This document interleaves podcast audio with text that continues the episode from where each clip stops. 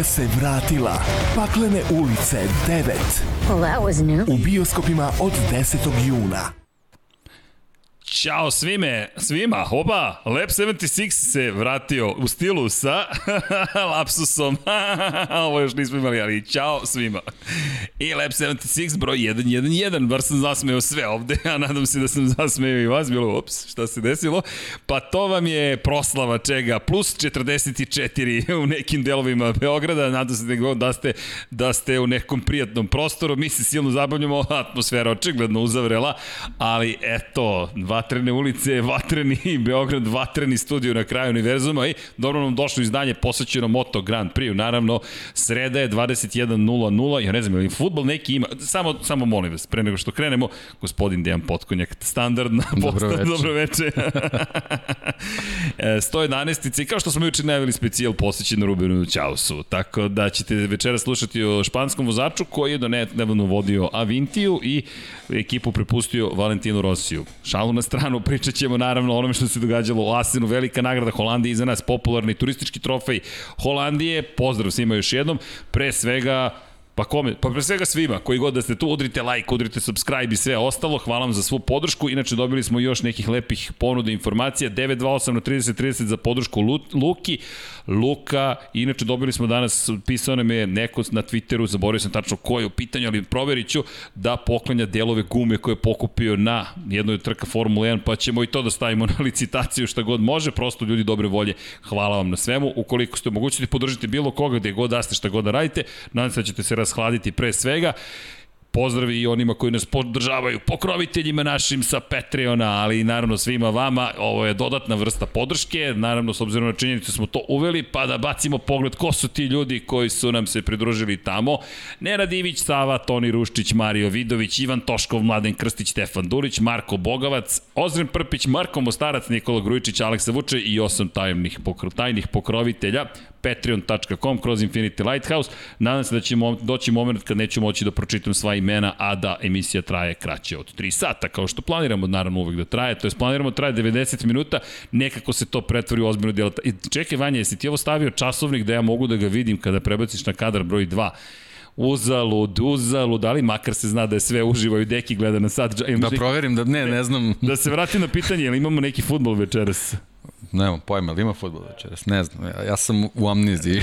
Baš tako ti si u amneziji, da. Od mog futbola. Ti si igrao tako, futbol, je li tako? Da. I kako je to pa, prošlo? Statirao sam, da, izgleda u nekom trenutku, pa onako, bio jedan kroše. kroše Ove, čiji? Pa lopta, ono, stativa, glava i malo sam dobio posle počnici, pa sad još ono vidim dva, tri srđana okay. trenutno, ali sve je okej. Okay. Opa, tebi je baš, ne vidi se tebi je baš dobro onda. da, da, da, tako da. ali da, da, tu si nam, bili smo malo zabrinuti, moram ti okay, priznam. Ne, ne, hvala ti, hvala. Izgledaš dobro. Da. U zelenim bojama, futbolskim si bojama, tako da je to super videti. Inače, Dejan je vrsni. Nemačkim bojama, šta? Gostujući dres, šta? O, pa nisi Oni se proveo baš dobro. Pa, da, nisi da. se ne, ne znam na koju, si, na koju si ekipu mislili, oni su mi ne, samo prvi pali na pamet. trava, da. zelena trava. A to, dobro, može, može. Samo to, samo može. to mi je bila ideja. Igrate na zelenoj travi, jel tako? Nije neka promena nastala među vremenu. Ne, veštačka zelena. Sve okej. Okay. Mada, ono, mogu, pošto je veštačka, mogu da izmisle razne boje. Čekamo da se to desi. Što da ne? Što da ne? Pa vidi koliko da. se boja menja, biće jedno pitanje ko će u kojim bojama zabavno, biti, ali da, bilo bi zabavno da, da, da naranđasta, na primjer, boje. S obzirom da kad pukla loptu u glavu, već tu bile razne boje, tako da... si spektralno da, okay, da, pa da, okej, okay, funkcioniše sve. Malo više lopti, ali, vidiš više igrača, tu sve si, okej. Okay, zdrav, da. prav, tako Ma, da dobre, možemo da okay, pričamo o čemu. Okay. Više ovo možda zbog vrućine, ovo znači da je ne, Da nemoguće, mislim, da. imamo te rashladne uređaje, Da, da. ali kao da ne postoje, da namučili su se, Ne, ne, ne, danas je pakleno bilo. Danas jeste. Stvarno, Danas ja čak sam i par mi puta gušteri. preko mostova išao ludnica. E, pazi, Ko ne mora, ko ima neku priliku za escape bilo gde, pozdravljam. pa evo ti si pobegao Da. na kraju univerzuma. E, to. Da bi pričao Zato proveravam o- koliko je sati, pošto ne znam da postoji Kome? neka vremenska kapija, nešto, ne- neka dođemo ovde, moramo Stargate da vidimo gde moment. smo, pa to, da. Da, ali da ja treba treći put da pokušam da bismo pričali Ajde, o kome ili čemu. Naravno Maveriku O Minjalesu. Nininom tati, pa može, Nininom može, tati. da, Ali da, Najveći njegov uspeh u životu i karijeri. Jeste, Nina i to je Da. su prelepe fotografije. Nina Vinjale se rodila nedavno i izgleda da su se stvari značajno promenile. No, moramo da ispoštujemo pobednika prethodne trke fantastični Fabio Quartararo na fabričkoj Yamahi, još jedna impresivna pobjeda no, u nizu koji djeluje šampionski nastupa, nije pobedio na prethodnoj trci, ali je vozio na taj način. Ovde na stazi koja videli smo i po rezultatima iz skorošnje, pa i davne istorije odgovara Yamahi, odgovara i Hondi, bio je najsposobniji, najbrži, došao do triumfa. Maverick Vinales dvostruku pobedu je doneo je fabričkoj ekipi Yamahi, međutim u nedelju se već znalo da se razilaze. U subotu u veče Ricard Hove, nekadašnji menadžer Maverika Vinjalesa, pričat ćemo ponovo o toj epopeji Maverika Vinjalesa koja traje od 2011. pa evo do 2021. Hove je iskusio u jednom momentu nešto slično kada je vozio BQR ekipu u 120, to jest u Moto3 kategoriji i Maverick Vinales je neko ko nije baš nepoznat po ovim pitanjima, ali hajde da se za trenutak zadržimo u sadašnjosti. U petak uveče se e, posvađao zvanično sa Yamahom, u subotu se već znalo, to su glasine koje su stigle sada već i potvrđena situacija iz Holandije. U subotu i pitali su Matt Oaksley je nedelju ujutro pitao Lina Jarvisa šefa Yamahe šta se događa, ovaj je odbio da odgovori na to. To je već bio signal da se nešto kuva i skuvalo se. Maverick Vinales od 2022. više nije vozač Yamahe. Na kraju sezone završava svoju saradnju posle pet godina, posle pola decenije i potpuno je sve poremećeno sada u šampionatu sveta. Pročiću samo brzo kroz rezultate zašto? Da bismo ispoštovali situaciju. Pobjeda Kvartarara, drugo mesto za Maverika Vinjalesa, Joan Mir, branilac titule, treći na Suzuki, sjajan je bio na Suzuki kada pogledamo rezultat, pa i generalno... Očekio. Tako je, Iskreno. situaciju, ali jeste bilo, Suzuki je tu morao nešto da učini. Četvrto mesto za drugoplasiranog u prvenstvu Joana Zarka, ne baš najbolji dan za Ducati, opet možemo reći očekivano, nije staza koja odgovara Ducatijim vozačima. Za Zarka još je ovo pohvala da je zadržao četvrtu poziciju. Peti je bio Miguel Oliveira na KTM-u, blagi pad forme, ali opet. Da, moglo malo bolje. Peta pozicija, vredni poeni se i dalje osvajaju i kada pogledamo u četiri trke, 76 bodova za Oliveiru, više nego dovoljno, pogotovo pred početak petonedeljnog letnjeg raspusta. Na poziciji broj 6, Francesco Banjaje, treće plasirani u šampionatu sveta. Inače, Zarko sada zaostaje 34 boda, što je pobjeda plus 9 poena. U odnosu na Kvartarara, Banjaje 47 bodova, što su skoro dve pobjede i samo njih dvojica su uz Kvartarara u manje od 50 poena. Svi ostali, John Mir, Jack Miller, Maverick Vinales, Miguel Oliveira, preko 50, manje od 75 i onda Aleš Espargaro, Brad Binder, Mark Marquez preko 90 bodova, to je 75 bodova za ostatka. Tu smo već na nivou 3 pobjede plus i Fabio Quartararo sada uz ovu četvrtu pobedu u sezoni posle devet trka deluje kao neko ko bi mogao biti šampion sveta na kraju godine. Naravno, nije kraj, još 10 trka mi imamo, veliku nagradu Štajerske, Austrije, inače karte su već uveliko u prodaju za veliku nagradu Austrije, za Štajersku se još čeka, trebalo bi da budu otvorene tribine, to su 8. i 15. avgust, pa velika nagrada Velike Britanije, pa velika nagrada Aragona, pa velika nagrada San Marina i Riminija, pa velika nagrada Amerika, pa Tajlanda, pa Australije, pa Malezije Valencije, ukoliko sve bude po planu i programu, 10 trka, čak i da ne bude, mislim da će izgurati tih dodatnih 10 trka, što ostaje, ostavlja dovoljno prostora rivalima da pokušaju nešto da učine protiv kvartarara. Međutim, Sve je palo u vodu ovim vestima. Ne može se krenuti u priču o Moto Grand Prix da ne pričamo pre svega o Mavericku Vinjalicu. Deki, ja ne pamtim, ne pamtim zaista. Joan Zarko je napustio KTM pre dve godine u sred svog ugovora sa KTM-om. 2018. godine na kraju, samo kratak uvod, Laurent Felon, u to vreme njegov menadžer, je navodno odbio ponudu HRC Honda, prihvatio ponudu KTM-a i svog vozača doveo u situaciju da mora da vozi za KTM u naredne dve sezone. Nije mu nikada saopštio da ima ponudu Honda, nije ga konsultovao. Razišao se od Lorenza Felon, oprostite, Lana Felona, Lorenzo Felon, njegov sin vozi u Moto3 klasi u Sić 58 ekipi i Zarko je na pola te prve godine posle brojnih problema rekao dosta. Međutim, Maverick Vinales u ovom trenutku je šestoplasirani u šampionatu, ima pobedu, ima sad i drugo mesto, borio se za titulu, ostvarivao pobede na Yamahi, rekao je dosta i odjednom Dom Pablo je učestvovao, da ne kaže, napisao na jedan od podnaslova domino efekat. Deki, šta sada? Ko dolazi? Gde ide Maverick Vinales? Ko će novi da stigne? Da li negde ide Maverick Vinales? Šta se događa? Šta će biti sa Andrejom Doviciozom ako su glasine da idu aprili tačno? Pot, ovo je potpuni haos nastao sad. Pa, ono, jeste veliko iznenađenje, ali generalno, zbog svih onih naših priča o Maverick Vinjalesu s kojima smo da. dosadili, da. mislim, polu očekivano je bilo da, da, da će ovo da se desi.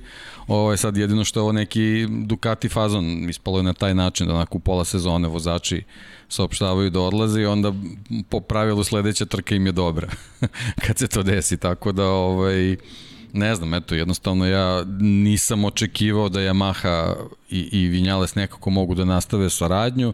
E sad jedino što, što nisam očekivao možda na ovaj način to da, da dospe u javnost, ali očigledno to je nešto što ima veze sa, sa stilom Maverika Vinjalesa na koji nismo ovaj, navikli u, u njegovim komunikacijama generalno i sa medijima, ovaj, ali očigledno da je to nešto što je, što je postalo nešto uobičajeno za njega i eto, kulminiralo je sa ovom vesti.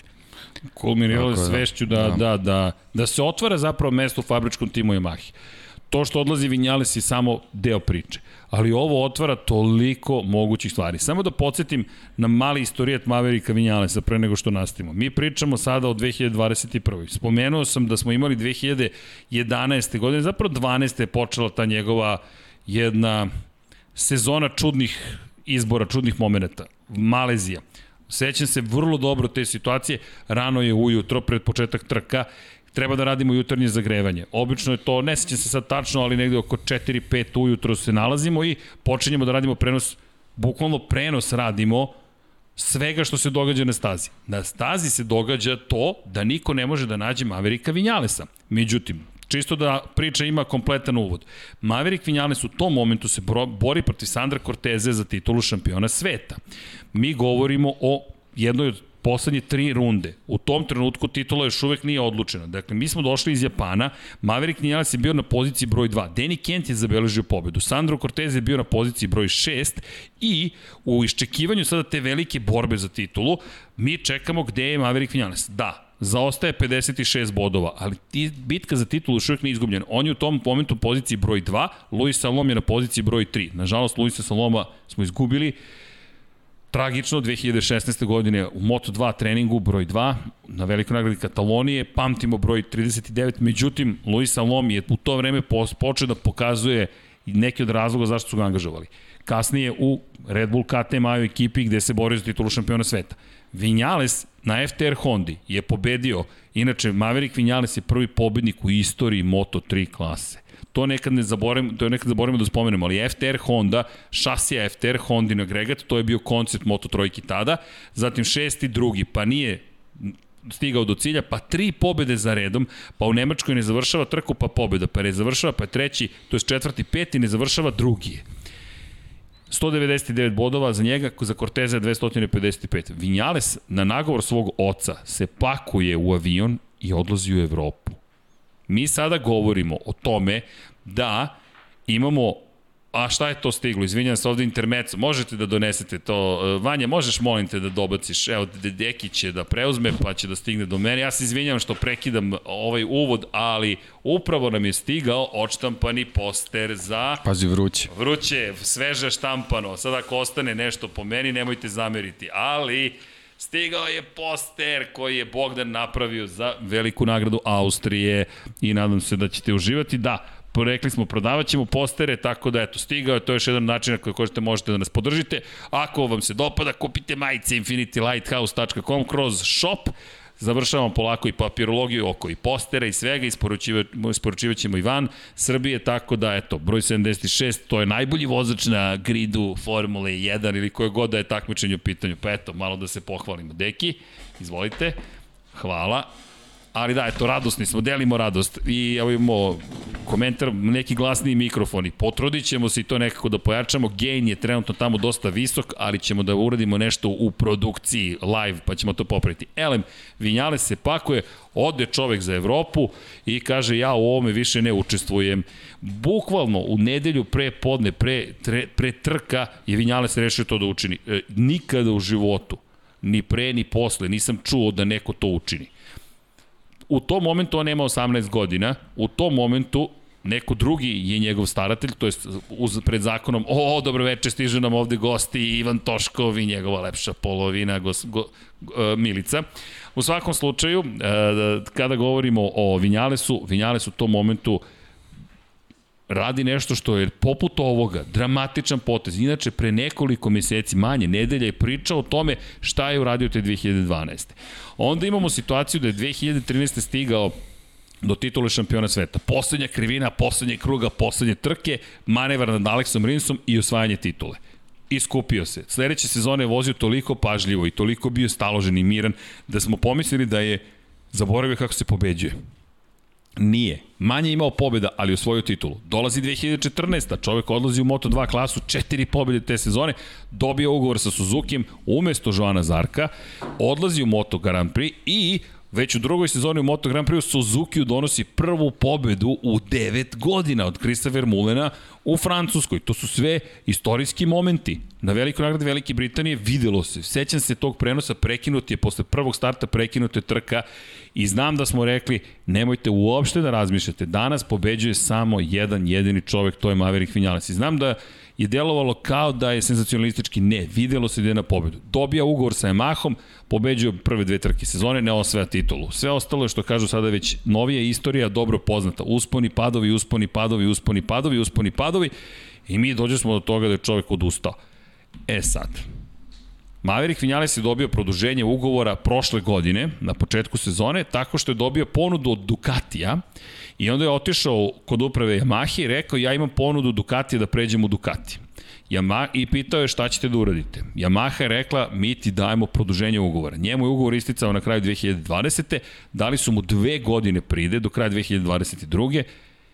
Kao odgovor na tu ponudu Ducatija. Istovremeno, kako bi zadržali Fabija Kvartarara u svojim redovima koji vozi za Petronas, Kvartararu daju dvogodišnji ugovor da pređe u fabričku ekipu Yamahe, odriču se koga?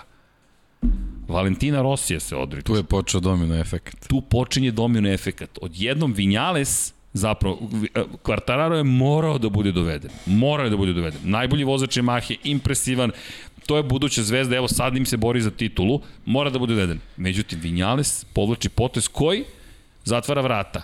Valentino Rosiju, ne kažem nezasluženo, Rossi je nažalost ušao u lošu formu, godine čine svoje, Yamaha mora da razmišlja o budućnosti, ali Vinjales potom prelazi na stranu garaže koja pripada Valentino Rosiju. Umeđu vremenu sezonu pre tražio da dođe njegov nekadašnji šef ekipe iz 2013. Esteban Garcia, umesto Ramona Forcade, s kojim je, koji je osvojio tri titule sa Jorgeom Lorenzom Yamahi, Zatim, ove godine otpušta Estebana Garciju pre mesec. Pri jedan... tom priču u tom trenutku kako, su, kako je sve bolje u Yamahi, kako su i odnosi bolje, Jest. kako je sve super. I kako je sve, pa seti se intervjua koji smo mi radili prošle godine. Pogledajte, ima na YouTube. Kanalu. Ima na YouTube-u, Lab 76 broj 5. Broj 5, sećam se da nam je to bio prvi da, gost. Simpatično, poslušaj. Si, simpatično jeste. I, i, jedan, I za nas divan trenutak, od jednom usred i, i, i karantina i svega, mi imamo jednog od svetskih šampiona MotoGP-a, Moto3 klase, u studiju na kraju univerziju.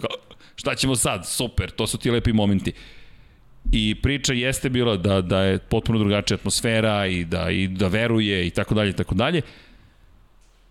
Evo nas godinu kasnije, bukvalno godinu i jedan mesec kasnije, to je bilo u maju prošle godine, Vinjales nije štedeo reči kada je reč o Yamahi, rekao je da nije ispoštovan, da je svaku trku praktično bi se osjeća grozno, da je samo kada je pobeđivao imao lep osjećaj, pogled u Park Ferme, u zatvorenom parkištu na kraju trke je pogled dezignat, jednostavno dezign, rezigniranosti, prostite, rezignacije u kojoj on, on deluje kao da ne želi da slavi sa ekipom a to je dvostruka pobjeda, a Quartararo se baca u naruče te iste ekipe. Pri čemu je Vinjales sada ove godine doveo nekadašnjeg šefa ekipe Valentina Rosija, Silvana Galbuseru, i ne zaboravimo, pre dve godine promenio svoj broj. Da ne bude broj 25, nego se vratio korenima broj 12. I mnogo smo se bavili analizom njegovog psihološkog stanja, sada smo došli do ovde. Okej.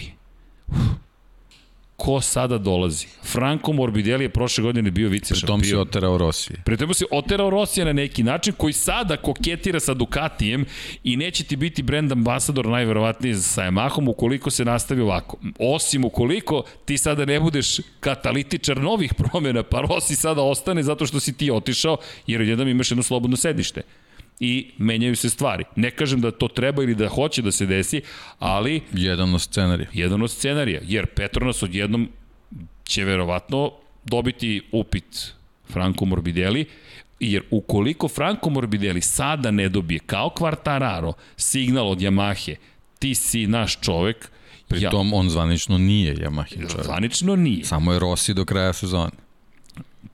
Petronosov je čovek, to znamo, ali Franko ako ne dobije taj poziv, ja mislim da je jasno da Yamaha njega ne želi u svom fabričkom timu. Nema, ne, nema o čemu više dalje da se razmišlja, da se lažemo direktno u oči da kažemo ne, ne, bit će 2022. Ne. Sada, pri čemu Yamaha redko dovodi Novajlije poslednji Novajlije kog je dovela u svoje redove, čak nije bio i Ben Spies. Ben Spies je došao iz teh tri Yamahi. Čak nije bio ni, ni, ni, ni sad u ovoj situaciji Maverick Vinales. Nije čak ni Fabio Quartararo. Poslednji Novajlije kog je Yamaha dovela je bio Jorge Lorenzo. Jorge Lorenzo, daleke 2008. godine i to u sred Rosijeve ekipe i nastao je haos koji je nastao, ali tri titule je osvojio Jorge Lorenzo u tom periodu, dve titule je osvojio Rossi u tom periodu. Za Yamahu, pre toga je osvojio još dve. Ok, gde, gde sada, gde, gde ćemo sada? Franco Morbidelli. Gde će Maverick Vinales? Od, verovatno u Apriliju. Ali ako ode u Apriliju i zadrže Aleša Espargara, a odreći se Aleša Espargara je katastrofa i na moralnom nivou za ekipu, pa i na nivou toga šta poručuješ da Massimo Rivola suštinski nije promenio kulturu. Bukvalno ćemo da vas menjamo bez obzira na emocije i na sve što ste do sada postigli, jer to su manje više radili do sada Scott Redding došao, otišao, Sam Lowe's došao, otišao, raskinuti ugovor i završeno sve pre, pre nego što je saranja trebalo zvanično da bude okončana. I ako dovedeš sada Vinjalesa, gde će Andredović Jozo? A s njim imaš ugovor do kraja sezone da testira. Pa ne znam, mislim sve ovo što priča što je generalno neki nivo bar prema onim vestima koje smo mogli da pročitamo, to je sve nagađanje. Da. I ova čitava priča oko porodice Vinjales meni liči na neku limunadu vezano za neke futbaleri, njihove očove koji žele da im budu menadžeri, a nažalost to se kroz čitavu njegovu karijeru provlači i sada ova priča ja osim te neke malo pod, poduže priče da je Aprilija zainteresovan za njega, osim sa strane porodice Vinjales, ja ni na jednoj drugoj strani nisam eksplicitno čuo nešto tako. Meni je fascinantno. Tako da, Prvo... znaš, pritom, ovaj, malo mi je verovatno da će on sad napustiti, da, da, da ga od avgusta nećemo vidjeti u Yamahi. Ja mislim da će on ostati do kraja sezone, jer da, da, on će ostati ugovori do... su suviše ozbiljni i teški, to bi strahovite posledice bilo pre svega po njega. Ovaj, tako da nemamo razloga sad da, da, da ovaj, licitiramo što se toga tiče, a iskreno njega nešto pretrano ne vidim u aprili. Ali vidi, ne, vid, ne vidim konekciju. Deki, vidi sad ovo. Da, ne, ne bih nikada izgovorio Aprilija. Ne bih ni, ni pomislio da ima istine u, u, u celom da, u, u celom traču. Ko, nije trač u istini, ali Rikard Hove je čovek koji je mnogo toga radio za, za unižnim kategorijama za vozače. Nije on bez svojih mana i on je znao da sakrije ugovore, da izmanipuliše, da neko ostane duže u njegovoj ekipi i tako dalje. Ali je to čovek slično Albertu Puđu, menadžeru ekipe Honda, koji je puštao vozače da spavaju njemu po kućama. Dakle, on vas u kuću svoju pusti, u dvorište, u porodicu, on podiže te klince i... Kupim juga, sve, da. Sve, ali jeste, sve, da, da. sve, sve, bukvalno uradi sve što može i redko tweetuje ovakve stvari. Iz subota uveče on tweetuje ne samo odlazak iz Yamahe, odlazak u Apriliju. E sad, Simon Peterson sa The Race obično ima pouzdane i proverene informacije. Odgovorno tvrdi da mi u narednim danima očekujemo saopštenje ekipe Aprilije. Još jedan bitan moment, David Emmet, koga tek cenimo, ne znači da on ne, takođe ne može da dobije pogrešnu informaciju. Tvrdi takođe da očekujemo uskoro da potvrde odlazak u Apriliju. I sad, tih nekoliko izvora govori o tome da se očekuje da on ode u Apriliju. Ja moram priznati da sam zaista šokiran da je to Aprilija. Iskreno i ja. E, vidi, nema, ne vidim nema nikakvu, nikakve veze. Nikakvu vezu. Osim neku marketinšku priču, ako Aprilia planira proda nekih 100.000 skutera u, u Španiji, pa kao vezani su za, za publiku Maverika Vinales. ne vidim nikakvu drugu vezu. Pa će na taj način da otplate njegov ugovor. Ne, ne vidim. Ne vidim uh, u, u ovoj fazi razvoja tog motocikla ja uh, iz, iz, njegove, iz njegovog nastupa u zadnjih godinu i po danu Yamahi, ja ne vidim uh, šta on može da doprinese u razvoju Aprili, iskreno. Tako da, on, ok, mislim, to su ozbiljni ljudi koji se bave vođenjem ozbiljne firme, ako su oni to nešto procenili i ako te naše kolege koji toliko ozbiljno ovaj, i, i, i, i, i predano rade tu stvari i stvarno nam, nam daju dosta relevantnije informacije, onda ajde, možda možemo i da, da ovaj, i da, da posumnjamo da će tako nešto da se desi, ali meni u ovom trenutku zaista njegov link sa Aprilijom i on nevjerovatno. Pa vidi, poslednja veza koju on imao sa Aprilijom je bila, to je bila trka, to su bile trke u 2011. na dvotaknoj aprili od 125 ba, dobro, kubika. To, to ali nema... to je nikakve veze. Bukvalno nikakve veze, to je jedina da. veza, ali niko iz te aprilije sada ne upravlja ovim programom. Nije kao Jorge Lorenzo, na primjer, koji, koji se poznavao vrlo dobro sa Luigi Dalinjom. 2006. i 2007. oni su osvali titulu 250 kubika i zajedno sarađivali. To je lična saradnja. Ti si radio s nekim nekoliko godina. Ovde te veze nema, I nije Dalinja čak tamo. Mi sada imamo čoveka koji je stigao iz Formule 1. Massimo Rivola je bio jedan od ljudi, ključnih ljudi u Ferrariju koji je preuzeo da bude izvršni direktor Aprilije. Veza ne postoji, ste emotivna. Ali čak nije španska robna marka, ne, ne kažemo derbi u pitanju, pa su sad rešili ok da dižu sebe Ne, ne, ne, to je Aprilije, jeste ne, pri tom, u ovom trenutku zaista Maverick Vinales nije tolika zvezda. Mislim, jednostavno direktno, eto, da, pa, pa, da, pa, da, pa, da se izrazimo to jednostavno tako, nije on ako povezuješ Ferrari, nije on Fernando Alonso koji dolazi u Ferrari u tom trenutku. Mislim. Ne, nije. To nije, nije, nije ni blizu priča. toga. Ne, pa, ne, mi, da. mi ne pričamo ako spome, o tom. Ako si spomenuo već Ferrari, eto da napravimo paralel. To stvarno nema po meni nikakve specijalne veze niti, niti bilo koje druge takmičarske. Na bilo koji način da, da ga povežemo sa Aprilijom, ja ono imam milion minusa to, tako da, ali ajde, eto. Ali, ako, ali ako ćemo na taj način da ostanemo bez, bez, bez Dovicioza na aprili, onda, onda stvarno stvarno je baš loše. Baš loše, ali pazi, vidiš da je stekao reputaciju da eliminiše ove velike vozače. Jorge Lorenzo otišao, došao umesto njega, Rossi je otišao, bukvalno zadržali su prosto Vinjale. I tad smo se pitali zašto, ali u Japanu su imali veliko poštovanje prema Maveriku Vinjalesu. Iz Japana je dolazila ogromna podrška, čak ne iz Evrope, nego iz Japana I sada imamo situaciju da će Andreju Dovicioza možda da košta angažmana. U svakom slučaju šok. Ne, angažmana, završetka karijere, u Moto Grand Prix. Da, jer ovo je ogroman šok, ja ne smijem da zamislim Andreja Doviciozo sad... sebi ne može da priušti da posle godinu dana pauze sedne u neki privatni tim. Ne, i ne samo to, na neku drugu mašinu. Ti si sada počeo da razvijaš Aprilu. Izvini, već, već je pauza traje. A koji ti moralni imaš, da. Koj, koliko si ti raspoložen da dalje razvijaš Aprilu ako ti neko kaže, vidi, ali ta vrata su zatvorena. Ok, ja sam trebao da testiram ja, da, pa znamo kako emotivno Doviciozo reaguje na takve Vrlo stvari. lično. Vrlo, pa svi lično, ali Doviciozo pogotovo. Setimo se onog njegovog momenta kad je kombinezan imao un, unemployed. Nezaposleni Andrea Doviciozo. Zaposlen je samo u probnoj ekipi Aprilije A šta ukoliko eliminiš Aleša Espargara? I to je katastrofa. I to je, i to je moguće. To je čovek ko, da. to, to, to, to zaista je moguće. A to je čovek koji ti je pomogao da ostvariš sve ove rezultate. To je čovek koji zaslužuje zlatnu medalju. On je trenutno osmi u šampionatu sveta i ponovo je počeo redovno da završava trke. Nije bio sedmi, bio je osmi, ali opet mi govorimo o sjajnim rezultatima. Čovek ima 61 poen, ima više od Breda Bindera, nije mu daleko ni Miguel Olivira. Apriliju... Možda će Maverick da mu sredi da dođe u Yamahu. Ako baš ima toliko uticaja. Ako baš da. ima toliko uticaja. I sad naravno milion pretpostavki. Da li pa će... da, ovo su sve pretpostavke, Pazi, ali da li, super, puštamo mašti na volju. Pa vidi, da, Raul Fernandez da je sledeća osoba koja se spominje.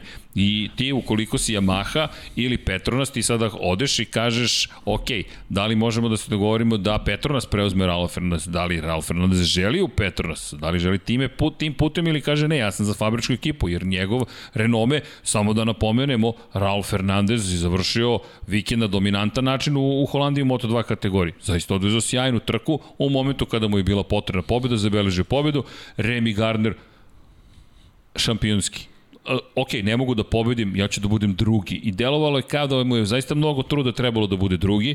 Nije mogao da pobedi Raula Fernandeza, opet između njih dvojici izjednačenost određena postoji. Prelep drugi deo sezone nas očekuje, ali iz perspektive sada ugovora Raul Fernandez ne da se nametnuo, nego, nego svi pričamo o Raulu Fernandezu, odjednom je sada upržnjeno na vrlo ozbiljno mesto. I čekamo to saopštenje takođe, kao i saopštenje Aprili, ako je to zaista istina. Da vidimo... Po meni, po meni u toj igri Marko Beceki. E, za VR46 za Yamaha, vezan za Yamahu? I za Yamahu. U, interesantno. U, Malo sam razmišljao... U Petronasu u, ili... Ne, ne, ne. Baš u, baš u fabričkoj ekipi. Tako je, da. Ako misle da naprave neki ozbiljan presek, da se nešto krene iz početka, ja mislim da bi on mogao da bude dobra priča za njih.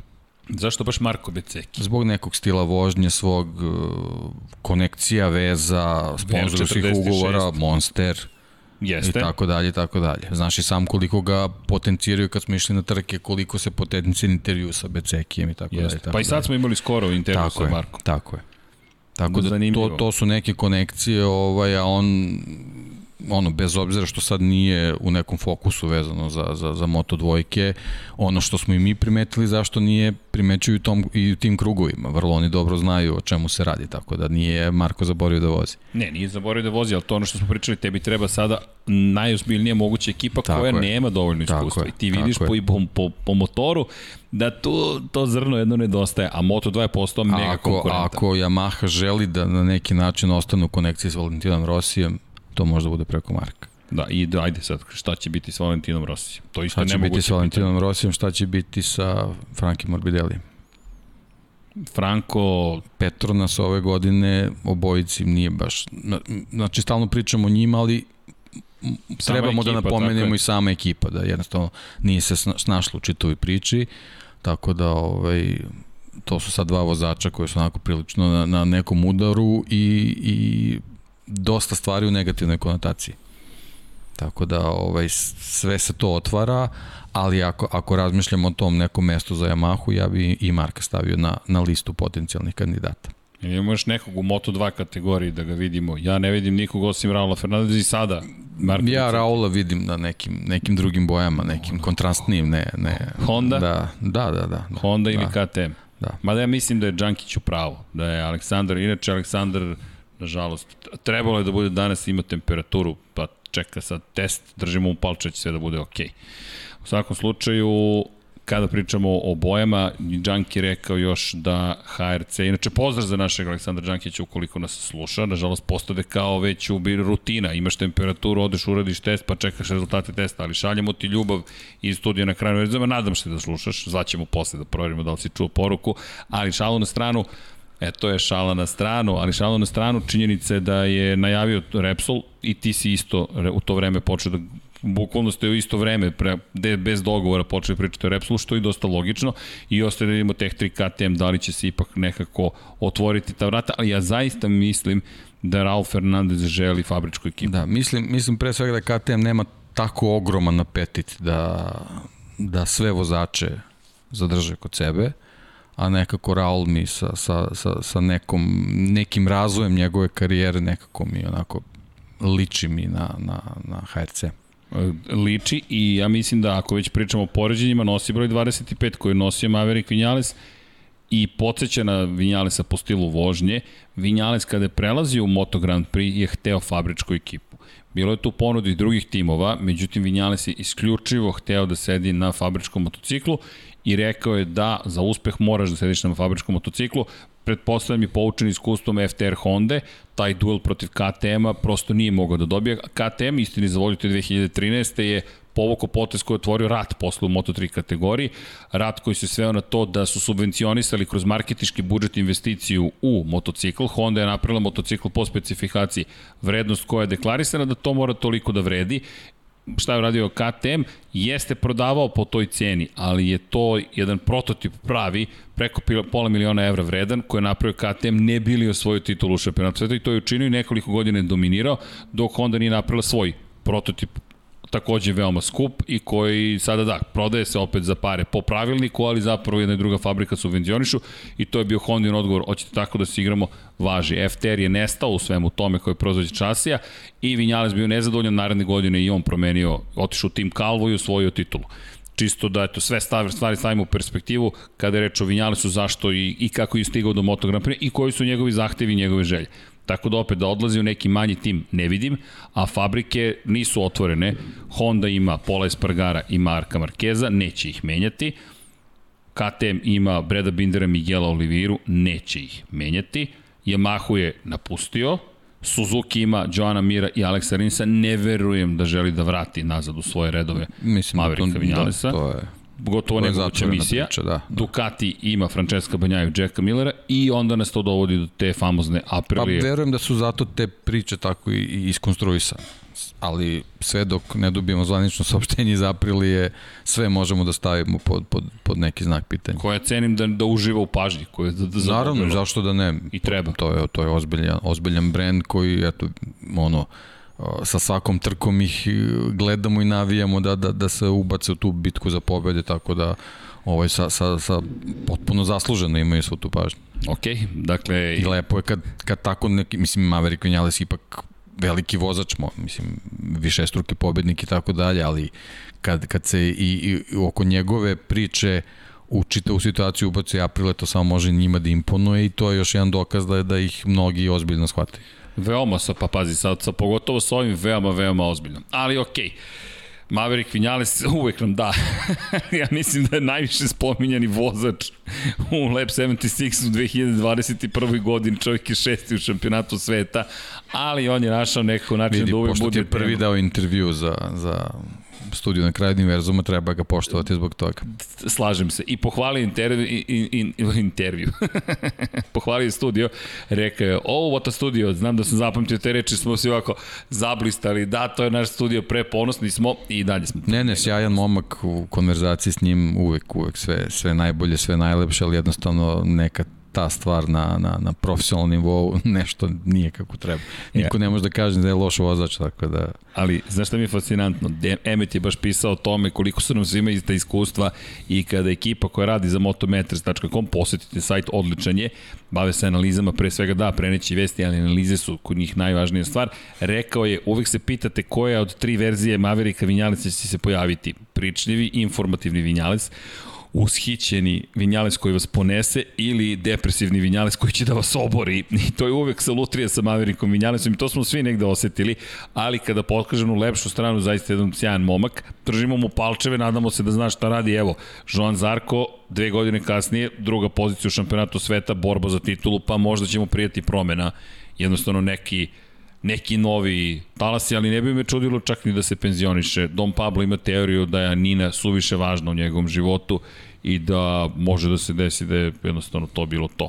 Dakle, danas smo gledali te fotografije koliko Nina, njegova čerkica, je u, u koliko je on zapravo posvećen porodici. Trenutno. Puno prirodna stvar. Jeste. I prirodna stvar i može da se desi da kaže ljudi, bilo je dosta zaista može da se desi. Šteta bi bila, Ne, ja sam očekivao da će jednostavno s njenim rođenjem shvatiti da, da postoje mnogo važnije stvari u životu i da ovo sve kad suviše ozbiljno shvati da jednostavno ne treba tako da, da gleda na to, nego jednostavno da se koncentriše na svoj posao i da, da, se, da se trudi da, da ga uradi što bolje, ne prebacujući stalno krivicu na neki drugi ali eto, možemo da se vratimo, ovaj, pošto sam obećao u jednom trenutku neka moja teorija vezana za, za da, njegove nastupe, o čemu da, se da. radi. Čekao sam da prođe ovo trka Smem čisto ja. da mu ne bi malerisao. Samo uvod, samo uvod. Ovako ide, Mo, molim vas, samo sekund pažnje. Dejan Potkonjak, pre koliko, dve nedelje? Pre dve nedelje. Kaže, podsjetite me, dakle, mi imamo, znamo da imamo trku za trkom, Dejan kaže, podsjetite me posle Asena da, Asena da mi ispriča moju teoriju o Maveriku i Vinjalesu. I U subotu kreću ove vesti, u nedelju dobijemo potvrdu da Vinjales odlazi iz Yamahi i svi gledamo Kadekiju. Okej, okay kako, zašto, da li je moguće, ko si ti, da li si zaista iz drugog kraja univerzuma, Paja koji je najavio da se Honda povlači iz Formule 1 pre vremena, Deki koji najavljuje nešto specijalno za Vinjalesa, aman ljudi, aman, ali da čujemo šta je bila ta teorija? A, nije vezano za, za, za karijeru i te, te prekide, nego jednostavno vezano je za njegov nastup. Dobro. Maverick Vinales, od kad je na Yamahi, najbolje vozi na ravnim stazama. Mm, Roller coaster staze, zaboravite na Mavericka Vinales. U, čekaj, čekaj, ovo je zanimljiva teorija. Gde je zabeleži prvu pobedu u Silverstonu? Čak i na Suzuki u ravnica je prijela. Katar, Asen. A ovo sad si me bacio da. baš u ozbiljne Znači on je vozač koji, koji očigledno mu prijevaju malo divlji motocikli.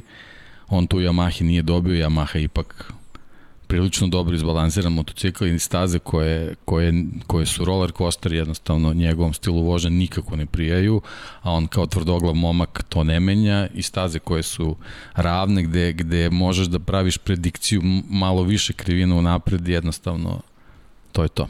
Ok, ovo je vrlo I čekao zanimljivo. sam da sam izgovorio preasena, sigurno ništa ne bi uradio i nisam hteo da izmalerišem, ovaj, i evo, onako, Ok, ovo posebno je... sa pol pozicijom i onako, eto, ne mogu sad kažem da me uverio da, da sam potpuno u pravu sa tom teorijom, ali jednostavno, kad bi sve staze bile kao Katar i Asen, imali bi sad drugačiju borbu za, za šampionsku titulu. Ok, deki, ovo je vrlo zanimljiva teorija. Mo, morat ćemo da isproveramo da vidimo gde su bili rezultati, ali da, ove godine na pobedničkom postoju na dve ravne staze.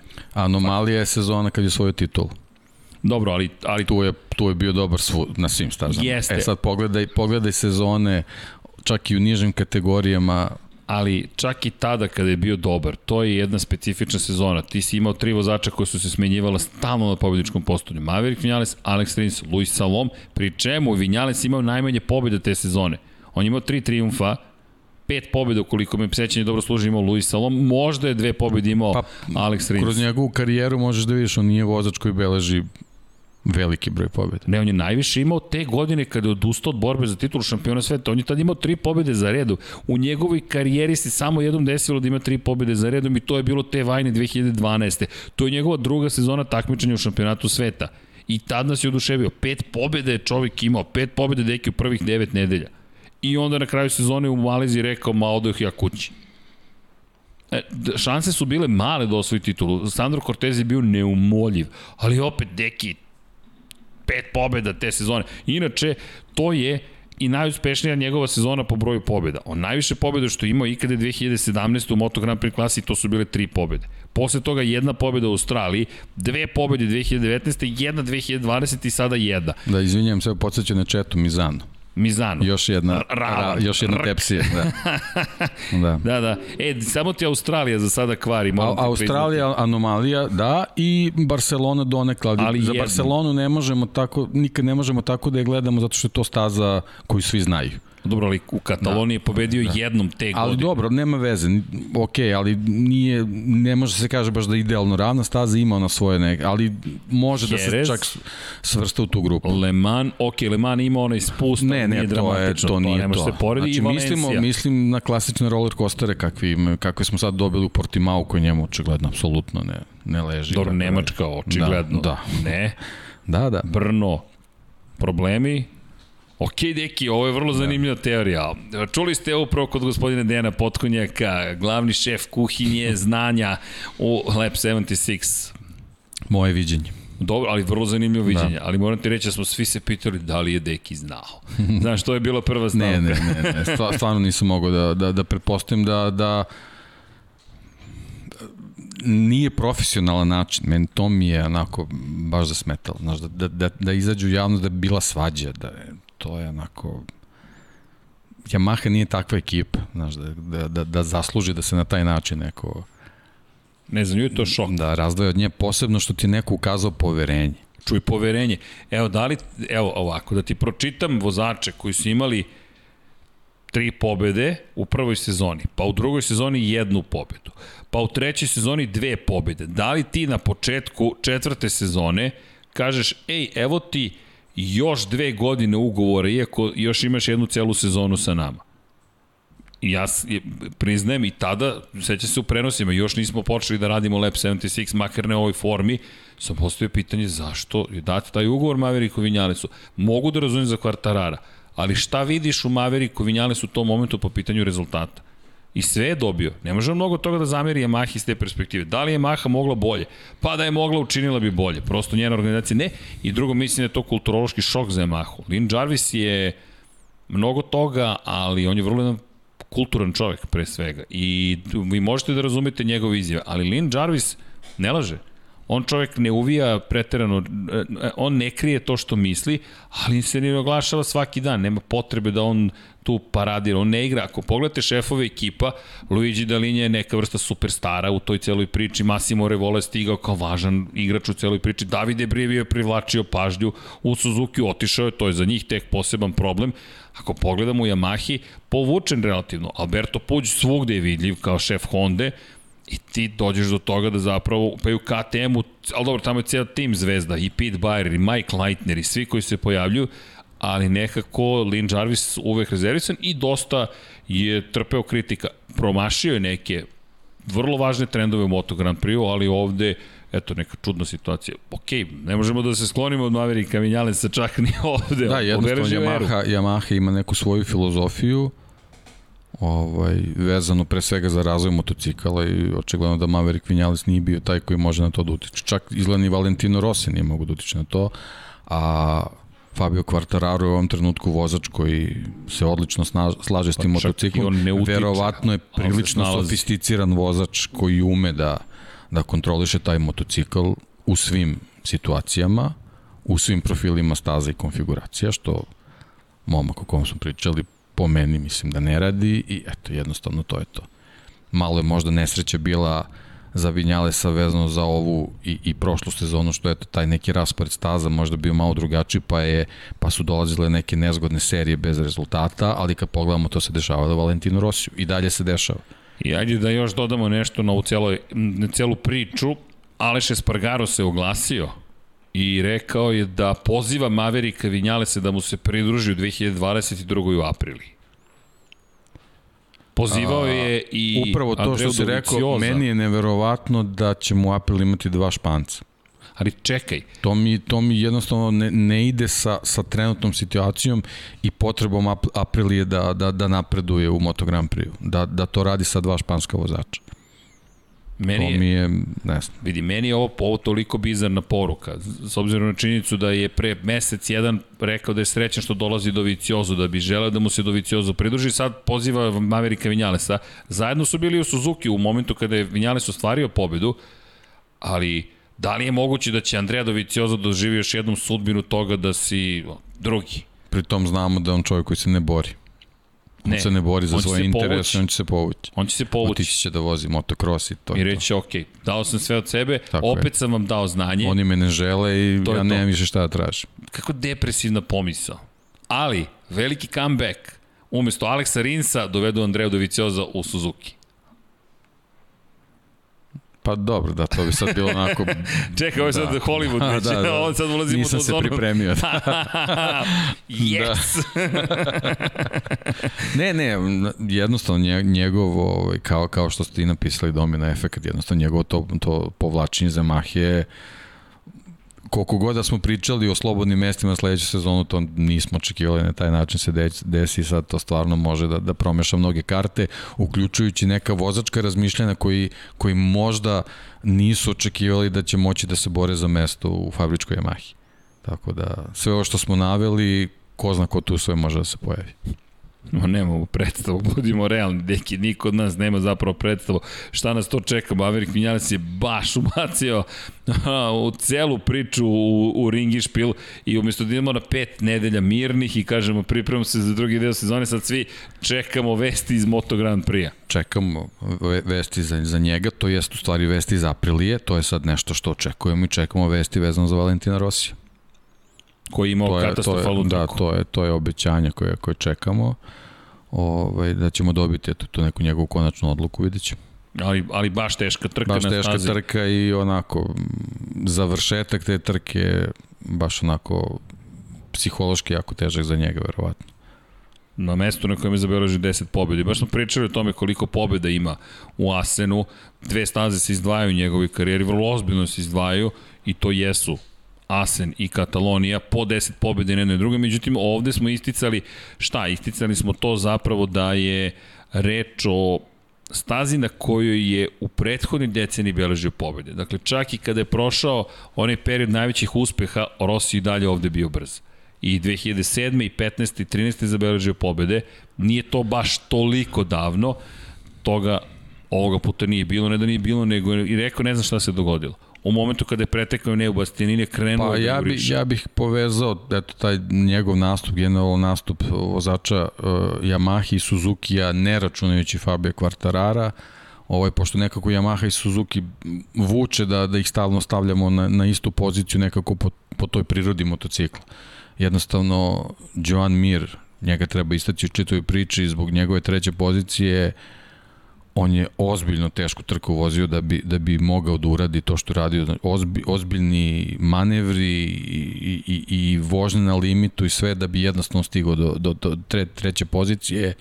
Jednostavno svaku drugi ko je forsirao završio je u šljunku ili na nekoj lošoj poziciji. Evo i tempo Johna Mira, koji je, ono što je zanimljivo, ako pogledamo, trend je na dole. On je ubrzavao kako da. je odmicala trka. Da, ali to je onako možda čak i netipično toliko za njega sa, sa, sa, sa nekim sračunatim rizicima. Čak i sam, sam je priznao da, da neki manevri, ne, neki te njegovi blok pasovi jednostavno nisu možda bili primereni, ali jednostavno to je bio jedini način da, da napreduje kroz grid. Jer jednostavno Suzuki na ovoj stazi uh, u nekim ključnim segmentima ne može da parira drugim motociklima. Znaš ko će biti jedini srećan, izvini, u celoj ovoj priči tokom raspusta? Dorna. Odjednom je dobila priču koju niko im se svaki godin Namesti priču. se, neka priča se namesti. Sećaš se prošle godine Red Bull Ring, osmeh onaj dovio u garaži neverovatno, ali to je nešto što se dešava i sad razmišljam zbog ove čitave priče sa Vinjalesom ovaj, da je možda, možda čak i neka prilika za neku smenu generacije, da potpuno dobijemo neke nove likove. Ja sad ne znam uh, da li je realno da, da imamo mnogo Novajlija sledeće godine, ali nekako se to možda otvara priča da se razmišlja i na taj način, da dobijemo neka potpuno nova lica, da, da, da, da, da je ovo prilika za, za, za tu smenu, da, da eto u trenutku, na primjer, kad Formula 1 kreće u neku novu veru, da ih Moto Grand Prix ponovo dostigne s nečim, da, da, da se opet razgovara na neki drugi način o njima. Da, Formula 1 koja je ozbiljno podigla lestvicu u ovom momentu, ovaj duel između Maxa Verstappena i Luisa Hamiltona, pa i sve što se događa i sa skandalima i politička bitka. Evo gledamo danas neki snimak iz 1976. 5. kada pitaju Jamesa Hunda, Hante, James, ukinuli su aerodinamiku, ukinuli su uh, otvore, ukinuli su ne znam šta još, kako si dalje toliko brz? Veliko srce, ajde da parafraziram njegov odgovor i BBC-ev novinar kojeg stoji. Čak mislim da je bio Mari, da je bio Mari Walker i kad ovako Jel možemo ovo da isečemo? Pošto šok na BBC-u niko nije koristio takvu reč. No, ni, ni slučajno. ni slučajno James Hunt, mrtav vladan, pri čemu on postao kasnije stručni konsultant tom istom gospodinu i sličan rečnik je koristio da, tu je dobio posao. Tu je dobio posao. to je bila audicija, da. Ali ne, samo je rekao veliko srce kraj, nema, nema Šok, potrebe da, da dovoljno da. reči, da u dve reči Absolutno, nije da. sve rekao. I da, MotoGP odjednom dobio ovu, ovu avanturu koja se zove Maverick Vinales. Da, malo nam je oteo celu priču, ali to je prosto tako. Jednostavno suviše tu sada stvari u kojima se ko, Pa šta misliš šta da prvi sledeći kadar kad se vratimo sa, sa, ovaj, sa raspusta slika u boksu? Šta e, ali će biti? kom boksu? Čekaj, ko gde stoji, ko ima koji ugovor i ko se osmehuje, ko se ne osmehuje? Znaš ko će biti prvi kadar? Dani Pedrosa. da. Ovo je moja staza. Ovo je moja staza. KTM će biti spreman za taj nastavak sezone, ali Dani Pedrosa, da, eto, to su lepe vesti. Trebalo bi da vidimo u Mizanu na veliko nagrade San Marino i Rimini. Nije još 100% potvrđeno, ali na nivou je ove informacije da će Vinjales napustiti Yamahu, pa verujemo da će se desiti i eto, čak i Danija je prizvao zvuk motora, zvuk trke, pa držimo u palče, će biti taj peti KTM u Mizanu, mada bi bilo lepo da ga vidimo na Red Bull ringu. Možda ne smeju da ga puste na Red Bull ring. Da malo bi poremetio da malo planove. poremeti da. planove, pošto Miguel Oliveira i dalje u biti za titulu šampiona sveta i moram šteta, da pohvalim. Šteta zbog lošeg starta. Jeste, kvalifikacije da, da. generalno par ne, pozicija ne mislim samo na trku, mislim na sezonu, nisam, nisam Aha, rekao da. rečenicu šteta zbog jednostavno te neke loše reakcije vezano za, za pripremu tog motocikla na, na, na početku godine i, i, i gubljenje vremena u, bukvalno u restrukturiranju čitave priče ovaj, jedno nekih desetak, 15 poena da je, da, je, da je tu bilo na početku ovaj, više, sad bi već bilo malo drugačije. Da, od trenutni zaostatak je 71 poena. Da, to je, to je, to je dramatično. Da, dramatično. Mislim ima op, Nije optica 250 bodova teško je verovati da, da Quartararo može da osvoji svih tih 250 u, u maksimumu, ali kako je krenuo, mislim, mogu, mogu neke slične stvari da se dešavaju, ali jednostavno sad je, sad je samo pitanje raspodela, uh, raspodele bodova i bitan faktor, zbog, pre svega zbog ove pauze, priključivanje Marka Markeza u čitavu priču. Može jedno pitanje za tebe. Može. Od svih vozača u Moto Grand Prix, pored Fabija Kvartarara, koji je još vozač završio sve trke. Quartararo je specifičan po tome što jedini završio trke i osvojio bodove u svih devet trka u prvom delu sezone. Da li znaš ko je drugi vozač koji je završio sve trke? Samo nije osvojio uvek poene.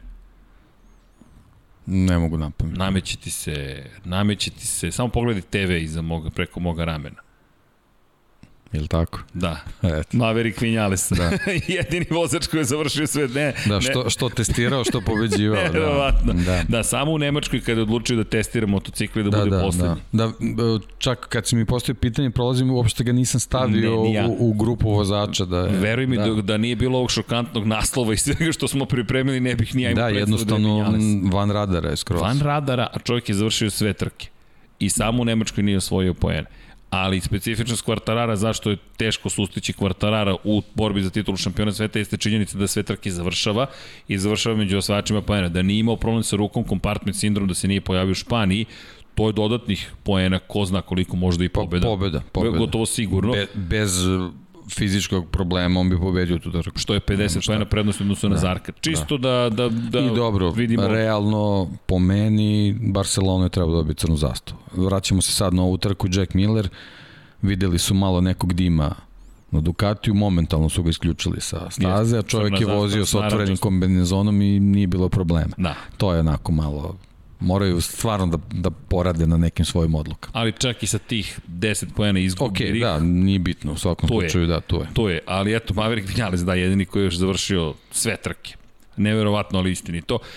Međutim, kada pričamo o Oliveri i KTM-u, spomenuo bih i Marka Markeza, ti si ga spomenuo, Mark Markez koji je trenutno na 106 pojena za ostatka, ogroman za ostatak, gotovo nemoguća misija, međutim, ako se vratimo na start trke, deki, Da li, ja se ne sjećam da smo čak ni u Nemačkoj nije bio toliko agresivan. Kada je očistio sebi put do prve pozicije i kasnije triumfa, obilaženje, preticanje sa spoljne strane Jorgea Martina u krivinama 1, 2 i 3 je na nivou Marka Markeza i to je Alberto Puđ rekao, mi smo dobili nazad starog Marka Markeza. Da, upravo to. Ovaj, ova, ova trka je u stvari povratak na realno stanje Marka Markeza. Sachsenring to nije bio i to i on priznao. Znači, jednostavno vremenski uslovi, konfiguracija staze i tako dalje tako dalje.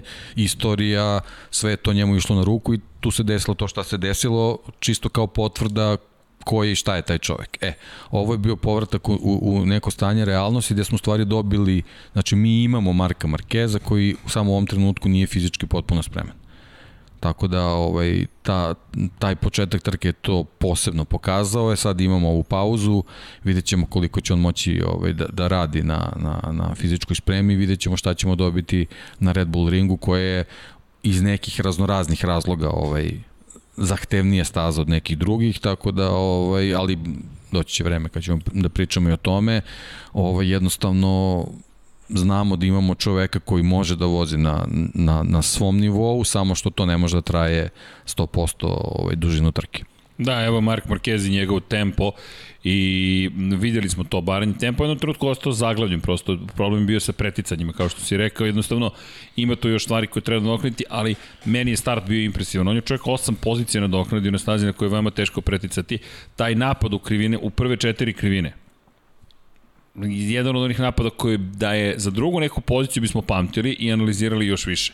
Međutim, bio je zaglavljen tamo iza, ali ako pogledamo šta je učinio ne samo Mark Marquez, već tim Honda, ovo je jedna značajna trka bila za Hondu i iskoristio bih prosto priliku da nas ubacimo šta?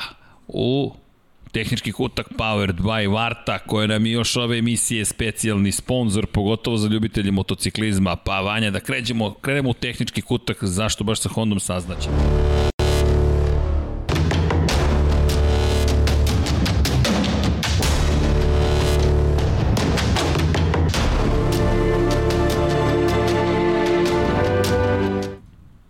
Da, zadovoljstvo nam je još jednom, inače pozdrav svima koji ovo slušaju na, naravno, podcast platformama. Gledam nešto, Galeb je pre neki dan tweetovao, ukoliko niste na audio platformama, niste ni prisutni kao podcast. Mi smo prisutni svugde, za oni koji eventualno ne znaju, Spotify, Apple podcasti, Google podcasti, Deezer, gde smo još, ne, ne mogu više ni da se setim na kojim smo sve platformama, tu smo podcast.rs, kako? Na, da, da, jesam, jesam, na, na, na Apple podcast, dakle, kada govorimo o, o, o generalno najvećim platformama, tu smo samo potražiti Lab 76, potražiti drugi, 99 Yard, Infinity Lighthouse, generalno, sve što se snima u našem studiju ili skoro sve imate na podcast platformama, pa eto, pozdrav svima, a posebno, eto, poseban pozdrav za ekipu iz Varte. Zašto? Pa zato što su nas podržali. Inače udarite like, subscribe i sve ostalo, s obzirom na činjenicu da tako i mi uspevamo da uradimo neke stvari, a bit će nekih novih teta, to jest već stižu i neka novi podcasti sa nekim novim temama. E, inače, imali smo Bilija Golda u studiju i jedva čekam da čujete Jadrankin intervju kakav je bio. Bio je spektakularan za one koji ne znaju basista Fate No More, ni manje ni više. Sedeo je tu deki gde ti sediš. Dakle, na tvom mestu je sedeo Billy Gold, sledeći put da mu kažemo. Dobio je majicu Lab 76 rekao je crnu, kaže da moja boja, to smo nekako shvatili i kaže nosit ću je. Pa eto, čekamo da vidimo gde će osvanuti Lab 76 Billy Goldom. Pozdrav Andrej Isaković osvanuo je na startnom ciljnom pravcu u Austriji, ali da, Billy Gold ko voli Fate No More, eto, bio nam je basista Fate No More, pa je pričao svojim dogodovštinama, šta sve, ko, kako, inače pravi rakiju, ja ću sada isto izgovoriti robnu marku, ne zamerite, ali bukvalno se rakija zove jebiga. I to je rakija koja A čovjek je fenomenal, neću da pričam kakav intervju, ali opisao je suštinu rakije, dakle, i kako on doživljava rakiju, on to proizvodi inače izvozi i uglavnom se prodaje, čudno mi čudo, u kliniči Kaga trenutno, to, to mu je najbolje tržište trenutno u Sjedinjim američkim državama, ali eto, no, pobegao ja, digresija mi odvela, no, kao što smo rekli, tehnički kutak powered by Varta, inače za sve koji vole dvotočkaše, koji su ljubitelji motociklizma, imamo tu jedan lepi akumulator, tamo je i iza mene, kod Dekija je, šta kaže? Kaže Power Sports AGM i uvek na strani šampiona. Inače, montažni ugao je do 45 stepeni. to, je, to, to je tvoj zadatak. Nemoj sada da, da nemoj ko da prođe akumulator ko što je Tigar prošao. Inače, obećali smo Dekiju novog Tigra, pošto je ostao bez brkova. Ali, kada je reč o vartinim akumulatorima, bez potrebe za održavanjem i visoka otpornost na vibracije, Ono što je zanimljivo, to su suvo napunjeni akumulatori isporučeni u fresh pack takozvanoj verziji i dobijate paket za punjenje kiselinom. Pružuje maksimalnu snagu, čak i u ekstremnim uslovima, ovde su ekstremni uslovi, verujte, dakle ovde samo Varta može da nas pokreće trenutno, inače reći, reći specifičnoj tehnologiji AGM takozvani, a takozvana tehnologija i eto, mi se nadamo da je to da ćemo imati podršku, a vi ako kupujete akumulator, pa što da ne kupite Power Sports AGM s obzirom na činjenicu da su podržali vašu i našu omiljenu emisiju. Javite pa da im javimo. da, javite pa da im javimo. Ako neko bude kupio na Vartu, slobodno tegujte nas i recite, eto, to je zahvaljujući ekipi iz Lab 76 kakva klasična komercijalizacija, ali to je neophodno ponekada pošto, jel te, živimo u svetu kada u kojem lišće baš neće pomoći da platimo sve račune, ali neko kao mi smo prezadovoljni, mi smo srećni što ovo radimo i lepo se zabavljamo. Inače, deki, imaš neke vesti, sutra je 1. jul, pre nego što krene tehnička utakmica. Pa, mm. hoćemo da najavljamo ili bolje kad krene? Kada Ajde bolje kad kada krene. krene. Bolje ok, krene, ali da. pratite da, da, društvene da, da. mreže Infinity Lighthouse-a. Deki Potkonjak se vraća korenima. Ovoga puta powered by Infinity Lighthouse. Mislim da vas da. čeka nešto mnogo lepo. Samo ću da vam kažem, pratite još jednom pa ćete vidjeti Deki šta je spremio. Vratili smo ga nekim nekim, nekim lepim trenucima i nadam se da ću najzad stići do tog čuvenog, jel te, tehničkog kutka s obzirom na činjenicu da, pa da, nekako zalutamo ja u svim ovim pričama, ne zamerite, ali mislim da se dovoljno poznajemo pa da znate da vas to nekako uvek čeka. No, da se dotaknemo mi tehničkog kutka i Honda, zašto je Honda e, sada ta koja je zadužena za, za tehnički tutak, pa kao što pričamo ovde o naprednim tehnologijama i pričamo o upijećoj staklenoj vuni, AGM, tako sada pričamo tamo o opet nekoj neverovatnoj tehnologiji, u ovom slučaju tehnologija koja je dovela od toga da Honda razvije potpuno novi RAM. I možda to deluje kao stara tehnologija, ali taj novi RAM je nešto što je doneo što je donelo Polu Espargaru mnogo bolje ponašanje motocikla. Najpre Mark Marquez dobio novi RAM, pa je sada dobio i Paul Espargaro novi RAM i mi ne govorimo o motoru koji će se koristiti za narednu sezonu. Mi govorimo o tome da smo mogli jasno da vidimo da je posle KTM-a Honda bila ta koja je rešila da promeni svoj ram. Promene na ramu kod Miguela Olivire dovela do toga da čovjek sad se bori za pobjede, plasmane na pobjednička postolja, da je, kao što si rekao ranije, krenuo možda čak i za titulu. Kada govorimo o Marku Markezu i Polu Espargaru, mnogo bolja upravljivost, promene smera kret, promene sme, promere, smerova kretanja i motocikl koji je agilniji. Nije baš da je Honda najagilniji motocikl koji imate na startnom poredku, međutim ovoga puta taj izmenjeni ram, to su isticali i u Torni, mogli ste gledati tokom samih prenosa, je doneo značajni napredak. Takaki Nakagami, nemojmo zaboraviti, na trećoj Hondi i na četvrtoj Hondi Alex Marquez, jedini koga je teško istaći u celoj ovoj priči i dalje ostaje Alex Marquez koji je bio 14. Međutim, Takaki Nakagami na početku trke u ozbiljnim borbama nije ni bilo čudo da je bio u prvom startnom redu s obzirom na činjenicu da je čovek ovde zabeležio prvu pobedu u karijeru Moto2 klasi, ali deveto mesto za Nakagamija. Gume, gume. Gume, da, Nakagami izabrao mekše gume. I to je bila greška. Nekako svestan rizik je bio, ali nije se isplatio. Da, ne, jednostavno niste mogli sa tim gumama da stignete do cilja. Marquez je bio na poziciji broj 8, uprosti 7 i ne zaboravimo Pola Espargara koji je bio na kraju na poziciji broj 10. E sad, za Pola Espargara u kvalifikacijama, to je generalno tokom treninga, lep napredak, ali mi nismo videli opet Pola Espargara koji je na onom visokom nivou. Međutim, deki, Honda, kako tebi izgleda? Ovo su ozbiljno unapređenje u sred sezone. Meni deluje da se Honda nije predala kada je reč o 2021. Pa, godine. Tri, tri vozača u, u deset, ja ne znam koliko se puta to desilo ove sezone. Pa ne mnogo. Ne mnogo, aj sad, sad ovako, ne mnogo. sad kad si to pročitao, pa, pa sam malo povezao, ali ne. nisam siguran da, da, da, da smo imali njih tako visoku poredku. Evo, tako da gledam, to ne. samo, samo po sebi govori. Ne, ni jednom nismo imali. Ne moramo uopšte da, da ulazimo u neku analizu, to je to. To je to, to je nema to. ih. Ovo je prva trka To je u stvari šta znači promena, promena rama, to je dobijanje na agilnosti motocikla, posebno na nekim stazama da je to jako neophodno. Da, i to na ovoj stazi igra veliku ulogu. Da. Staza koja zahteva velike promene smjera. Kada morate predstaviti da meni ja sam predivan. Nekako, ne toliko u najavi koliko tokom same trke kada se trka završi, uvijek ima osmeh na licu. Tamo kada krenu 10. i 11. krivine, ono je baš stari neki MotoGP, onako da, stazu da, da, niko da, danas ne bi nacrtao. Da, old fashion staza potpuno. Baš je old fashion. Ovaj, nešto što je neophodno u, u šampionatu baš zbog tih kontrasta. Sad idemo na nešto što je potpuno drugačije gde, gde potpuno drugačiji elementi Gasa skreni, igraju, igraju gas glavno, skreni. da, Mickey Mouse klasičan, ali ovaj, to je nešto što je neophodno da bi, da bi se jednostavno videlo ko kako vlada motociklom na različitim profilima staza. Tako da Asen je nešto što stvarno je potrebno zato što ne postoji ništa slično. E da, i da samo napomenem, bilo je dosta pitanja i pre nego što smo ušli u prenos, sve ćemo da odgovorimo ili ćemo se potruditi da odgovorimo na sve. Moram da pazim kada to izvijem, to znači da može da potraje po 5 sati podcast, ali odgovorit ćemo na većinu pitanja, stvarno ćemo se potruditi da budemo i malo brži po pitanju odgovora, ali ovo što si rekao, da, dolazi neka druga vrsta staze, KTM tamo će igrati ozbiljnu ulogu, Ducati će igrati ozbiljnu ulogu, ako tu Honda uspe da, da, da se nametne, da se bori za plasman na pobjedičku postoje, ako Marquez bude na svom nivou... Honda nam je sad nepoznanica. Da, velika nepoznanica. Pre svega zbog prošle godine. Da, i, da, i, i veliko pitanje Mark Marquez da. koliko, ali ja verujem da za pet nedelja će on čovjek da se spremi bolje nego ikada do sada. Pratit ćemo, moram da počnem pratim Instagrame, ne, ne, više proslave, ne mogu da pop, ispratim šta su proslave ako ne pratim Instagram naloge vodećih vozača u šampionatu sveta, u, golf udarci za Fabio Quartarara, zapravo trik udarci s njegovi sa, sa, sa Instagram. No, da se vratimo na Hondu. Honda koja je imala dobar prikaz, dobro, do, dobro se predstavila u, u cijeloj ovoj priči i lepo si rekao, nisam primetio to, hvala ti, tri, put, tri vozača od među vodećih deset, bez obzira što nije najbolje plasirani, opa, vozač bio toliko spektakularan, opet je to nešto pa što... Pa eto, jedan, jedan nije bio nešto bolji zbog svog fizičkog stanja, drugi nije bio bolji zbog eto, rizika sa, sa izborom pneumatika. Tako da,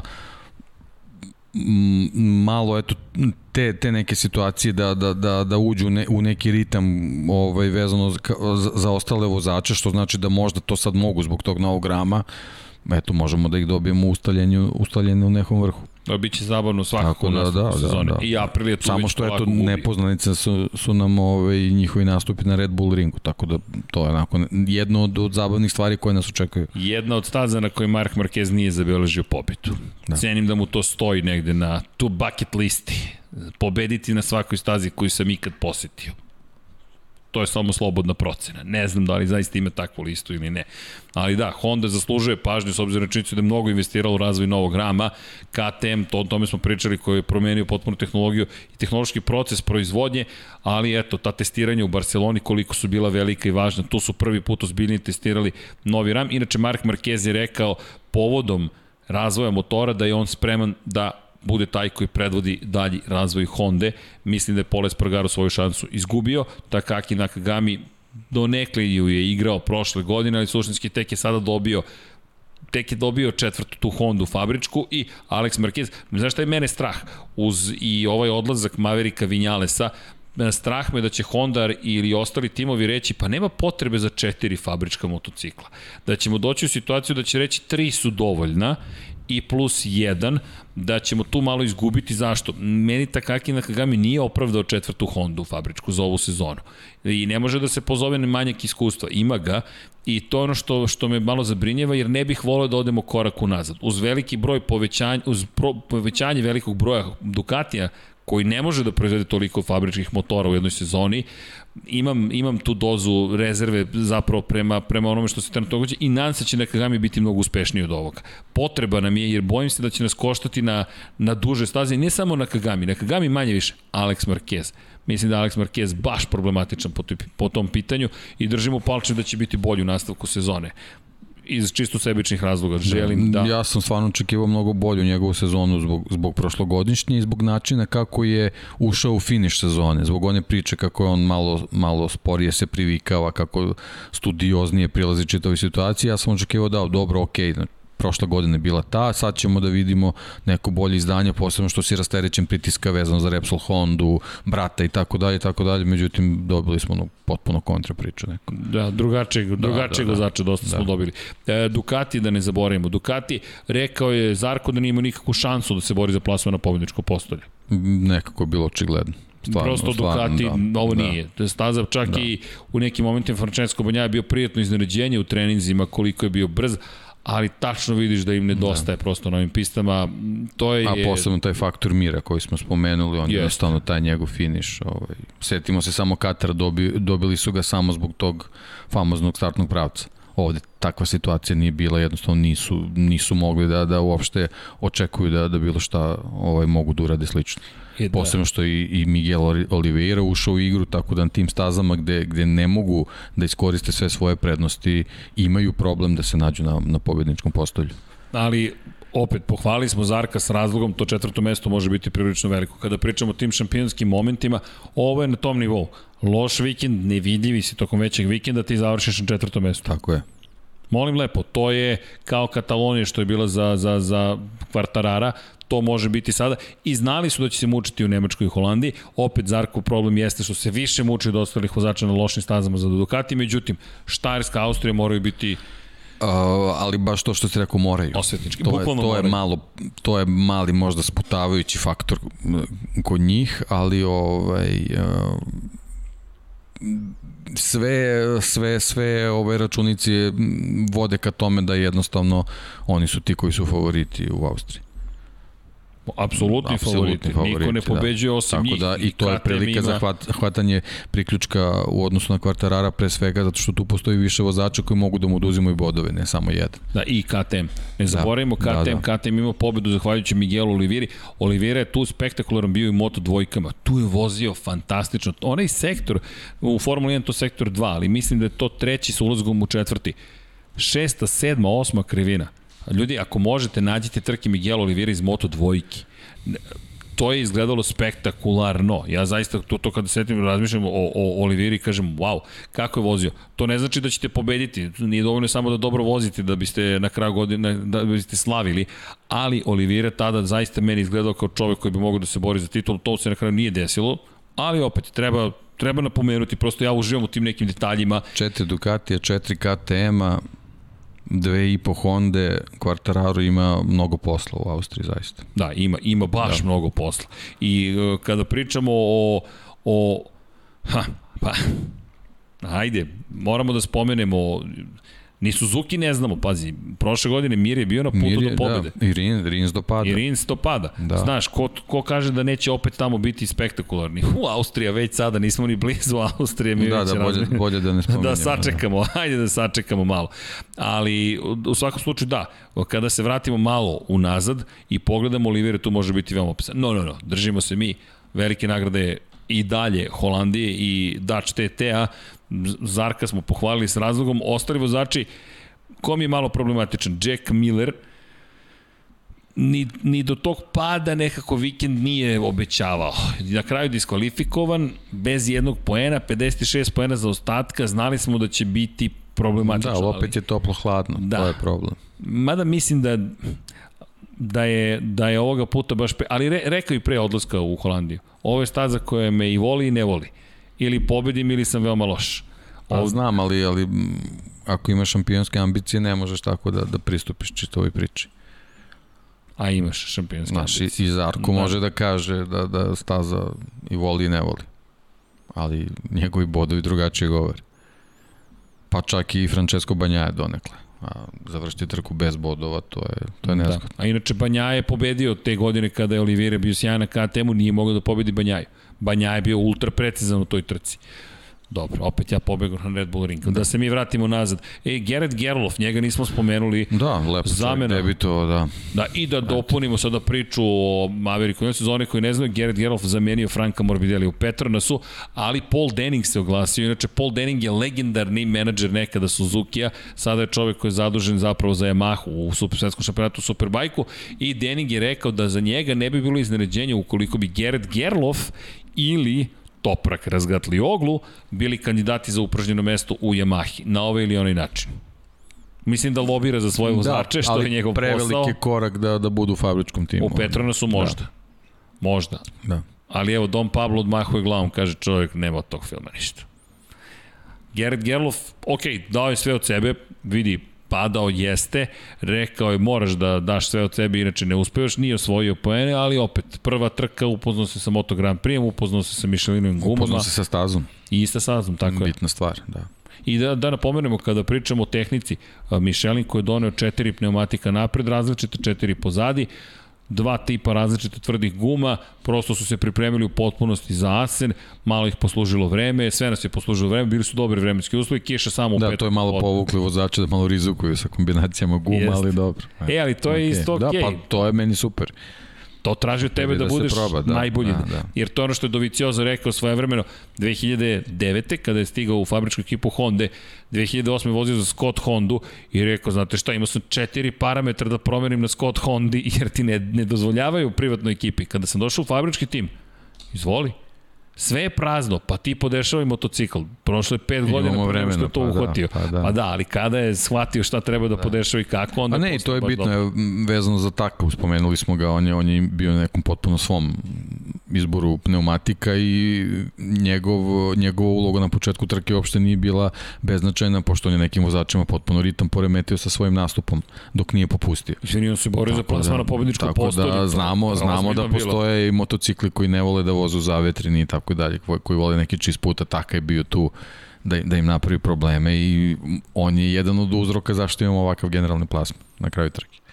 Evo, Takaki da, Nakagami, da. vidi se tačan moment kada je počeo da popušta, ali nisu njegovi krugovi generalno loši, Takaki Nakagami zaista lepo Pa dobro, odvezao. popustio je da bi mogo da izveze do kraja, barem u pa nekom pa, da. ritmu, da, da je nastavio u ovoj 33-4 ritmu, teško bi to, to bilo. Posle. Ali znaš šta je po mom mišljenju njegov najveći problem bio? Odsustvo mogućnosti da pretičeš ti ne možeš da pretičeš. To je jedan od većih problema i o tome su dosta pričali vozači koliko je teško bilo preticati. Pa to je ono, uzmite čas kod Joana Mira. To sam teo ti kažem, ali ti si to. tako da. lepo, to sve si objasnio. Citirao sam te tokom trke rekao, što bi Deki lepo rekao, moram da napravim majicu, što bi Deki rekao i onda sad upišite u prazno polje, ali zaista jeste tako kako se lepo bacao, bukvalno se je bacao i jeste na granici jedini faula. Jedini način, bilo, pa da, jedini. Ne možeš drugačije. On se izvinio posle trke, jednostavno, ja rekao, to je jedini način bio da napreduje. Mi vidim ni Jack Miller ni nešto sad specijalno zamerio, čak je više bio ljut na sebe zašto je mlako odreagovao u toj situaciji. Da. Rekao, ljut sam ja na sebe, da. nisam ja ljut na Johna Mira, da, da, da. šta Mir, Mir, Mir je odradio svoj deo posla. Ali... To je ono ostaci od Katara još, ovaj, tako da, da. Jednostavno čovjek vozi, to je, to je neki njegov stil, ovaj, nema, nema tu ovaj, nekog sad posebnog ugrožavanja, ali jednostavno to je jedini način, tako da to je sa Hondama verovatno nemoguće izvesti, tako da zato dobijemo te rezultate na kraju. Na što se tiče Aleksa Rinsa, čekamo da se oporavi, ovo je nažalost loše izdanje, 11. pozicija na kraju i to je uzdah dovoljno govori. Rekao bih da dovoljno govori, ali ja bih se dalje vratio na Davida Brivija. Deki, oni su obezglavljeni A ovo je, ako hoćete da pobedite jednu šampionsku ekipu ili veliku ekipu da unazadite ozbiljno, bukvalno je odvedite glavu. I to možemo da vidimo i u Formuli 1. Činjenica je da je Red Bull pokupovao toliko šefova različitih timova u Mercedesu. Tu se vidi Rasula. Ti odvodiš ključni ljudi. Davide Brivio je bio i glava na neki način i srce te ekipe. I svaki kadar u tom, toj ekipi pa, se svodi na On je čovjek koji drže u glavi čitav razvoj tog Suzuki. Ko zna šta je on imao na umu za, za ovu sezonu, vizija. Zašto nije ostavio, verovatno to ne funkcioniše na taj način. Verovatno postoji razlika između klasičnih ovaj, šefova timova i nekih genijalaca kakav je Brivio definitivno, jer stvarno dovesti Suzuki u poziciju da tebi vozač osvoji šampionsku titulu, Sa to je ravno budžetom. genijalnosti, ali to ti, to ti odmah dolazi do Gaudija, znaš, čovek koji ništa nije beležio, on je sve radio iz glave. Tako da Brivio bukvalno možemo da po, poredimo sa ljudima koji na taj način funkcioniše. On jednostavno ima viziju koja ga vodi iz dana u dan i on od dana do dana svojim ovaj svojoj ekipi prenosi to šta je zamislio da, da se uradi. E sad njegovim odlaskom jednostavno ne postoje dokumenti na osnovu kojih bi se oni vodili a i ako postoje, to nije taj način. Ili ti ako slepo uh, pratiš neke, neke ovaj, nečije zapise i onda to radiš na, na nivou nekog upravnog odbora, kako smo to nazvali, to, to nije to. To je jednostavno, jer, jer za, za takav način funkcionisanja je potreban ti čovjek koji u svakom trenutku osjeća šta je neophodno uraditi. I on je na taj način vodio Suzuki i rezultati su bili očigledni prošle godine. Nikad nećemo saznati šta je moglo da se desiti ove. A deki Tako, meni da, to...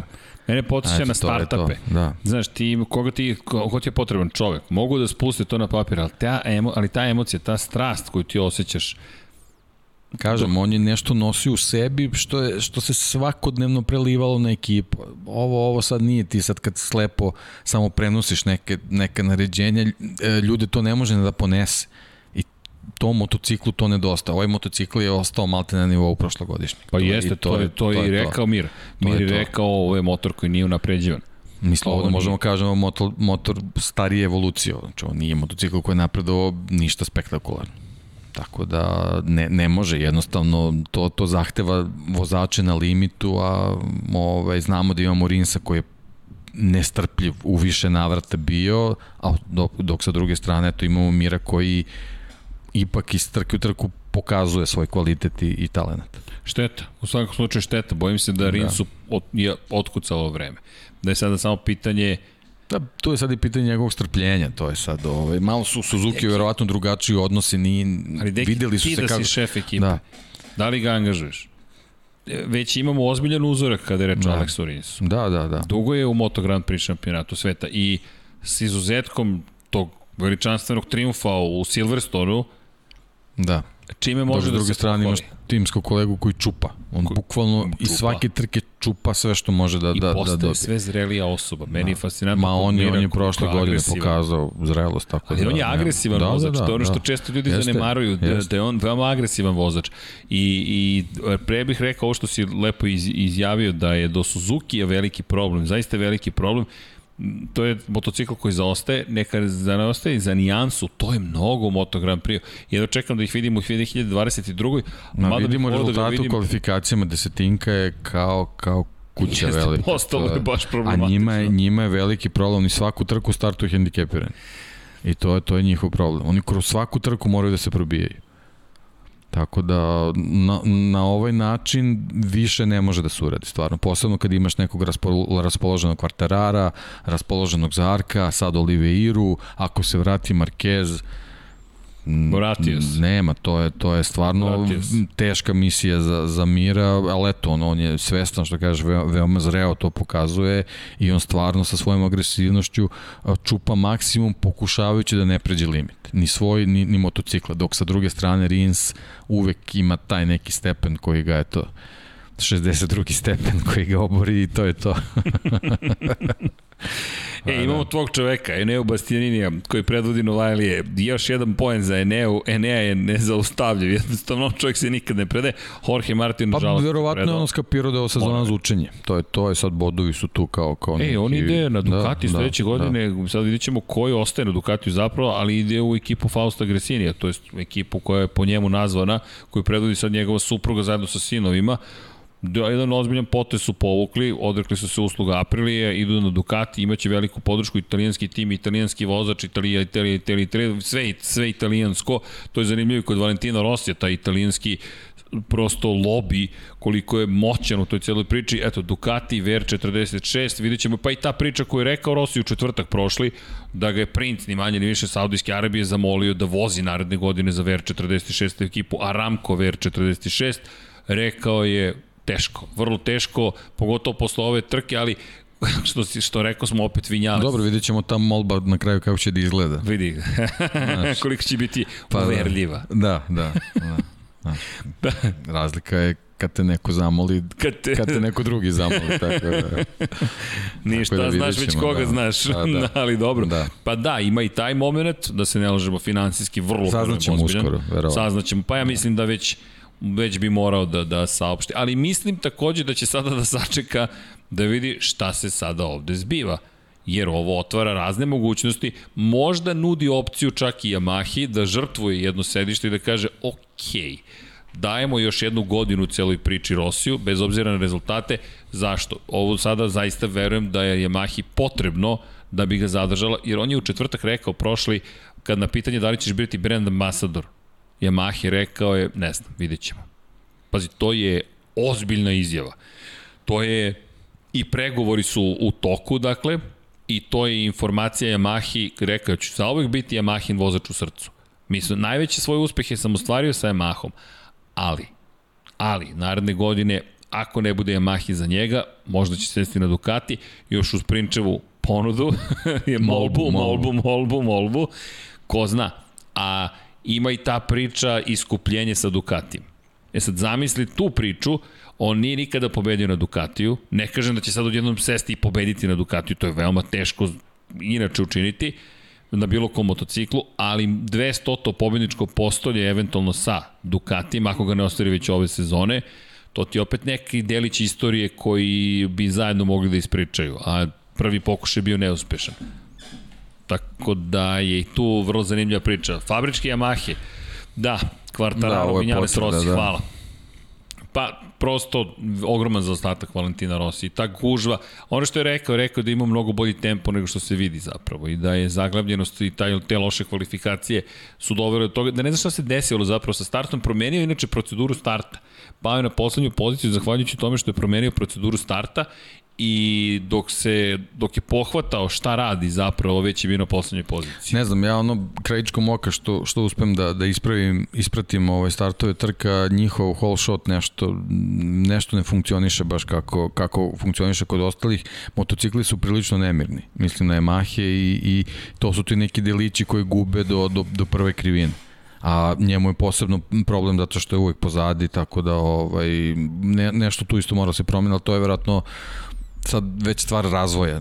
Ne verujem da je to tako jednostavno ovaj, prilagoditi i nema tu mnogo prepisivanja između motocikala i ekipa, nego baš treba da se obrati velika pažnja, što oni možda nisu radili ili je možda delovalo da nije toliko bitan faktor, ali Jeste. Vidi se u ovim trkama da, da stvarno Pa i Vinjales je možda jeste. izgubio šansu za Vidi pobedu da. posle onog manevra Fabio Quartarara da. koji ga je bukvalno isekao i zatvorio praktično i naterao ga da se bori sa ostalim. Ducati stvarno izgledaju kao pegle, Yamahe se prilično bore na, na, na startu. kao Dragster, da. bukvalno da, da, da, kao da, najskupo pa, ceni Dragster koji imaš. To je On taj fazon. Samo da. spusti kod da. Citroen nekada davno i bravo. Da. Samo kao raketa ide.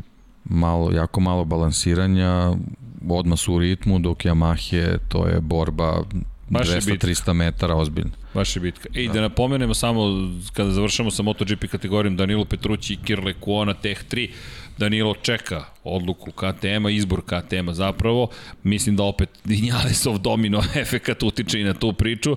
Sad, šta će biti s Raulom Fernandezom, da li hoćeš ga, kao što si rekao, možda KTM ima neke druge planove, mada mislim da, da nemaju ni mnogo opcija, ukoliko puste Danilo Petrućija, moraš da popuniš Suviše sad, sad mnogo se tu voja, vozača pojavilo u toj licitaciji, ja bih ipak sačekao da, da vidimo priču. Sa, sa Danilom je problem što je on došao kao neko ko treba da donese neke bolje rezultate i, i tek tri ekipi i, i samom KTM-u, međutim, eto i on je jedan od onih koji nije uopšte u, u fokusu i to je u stvari glavni problem. A nije nešto, nešto specijalno onako medijski interesantan. Pričam vezano i za Dornu, tako da ovaj, na, na KTM-u u stvari da proceni šta im on donosi kao, kao vozač. Možda, možda je tu nešto što, što mi ne vidimo, ali ovaj, opet ova pauza i, i nadam se da, da, da, da će on i, i Iker dobiti motocikle koji su ravni fabričkim, pa da vidimo šta mogu da urade na svoje stazi. Jer tu tek neće biti izgovor. Pa nema izgovora. To Već je, sada ne možeš, da, nema, da. nemaš mnogo izgovora. Ovo ti je poslednja slamka. Pro, problema i onih uh, konflikata sa, sa Polom Espargarom na stazi i tako dalje. Znači, sad si ti na tom motociklu, jednostavno to mora da, mora, moraju neki rezultati da se vide. Iker, eto kad ga već spomenjem ponovo, eto, pad i on, i on polako ovaj, može da se kaže da, da, da, da ne opravdava poverenje. Pokazuje na trenutke da je stvarno brz, da, da, da je kvalitetan, ali to, to u ovoj konkurenciji u Moto Grand Prix nije dovoljno nikako. No, pazi, držimo palče Danilu, on ukoliko pređe u trk izdržljivosti, to jest ukoliko ode u Dakar style ili gde već se opredeli da će se takmičiti, ne znam, ja imam određenu slabost prema Danilu Petruću na krajnje emotivnom nivou, ne, nije pokazao dovoljno u velikom broju situacija, ali sama izjava njegova, kad sam bio mali, nisam bio popularan, svi su dečaci igrali futbol, a ja sam vozio motore. Kako je sada Danilo? Sad sam malo popularniji. To je čuvena njegov izvid dok je bio u pramaku. Tako da Danilo ima, ima prosto dozu šarma koja se čak sada ni ne vidi. Ono što meni je žao je zapravo što on ne deluje srećno.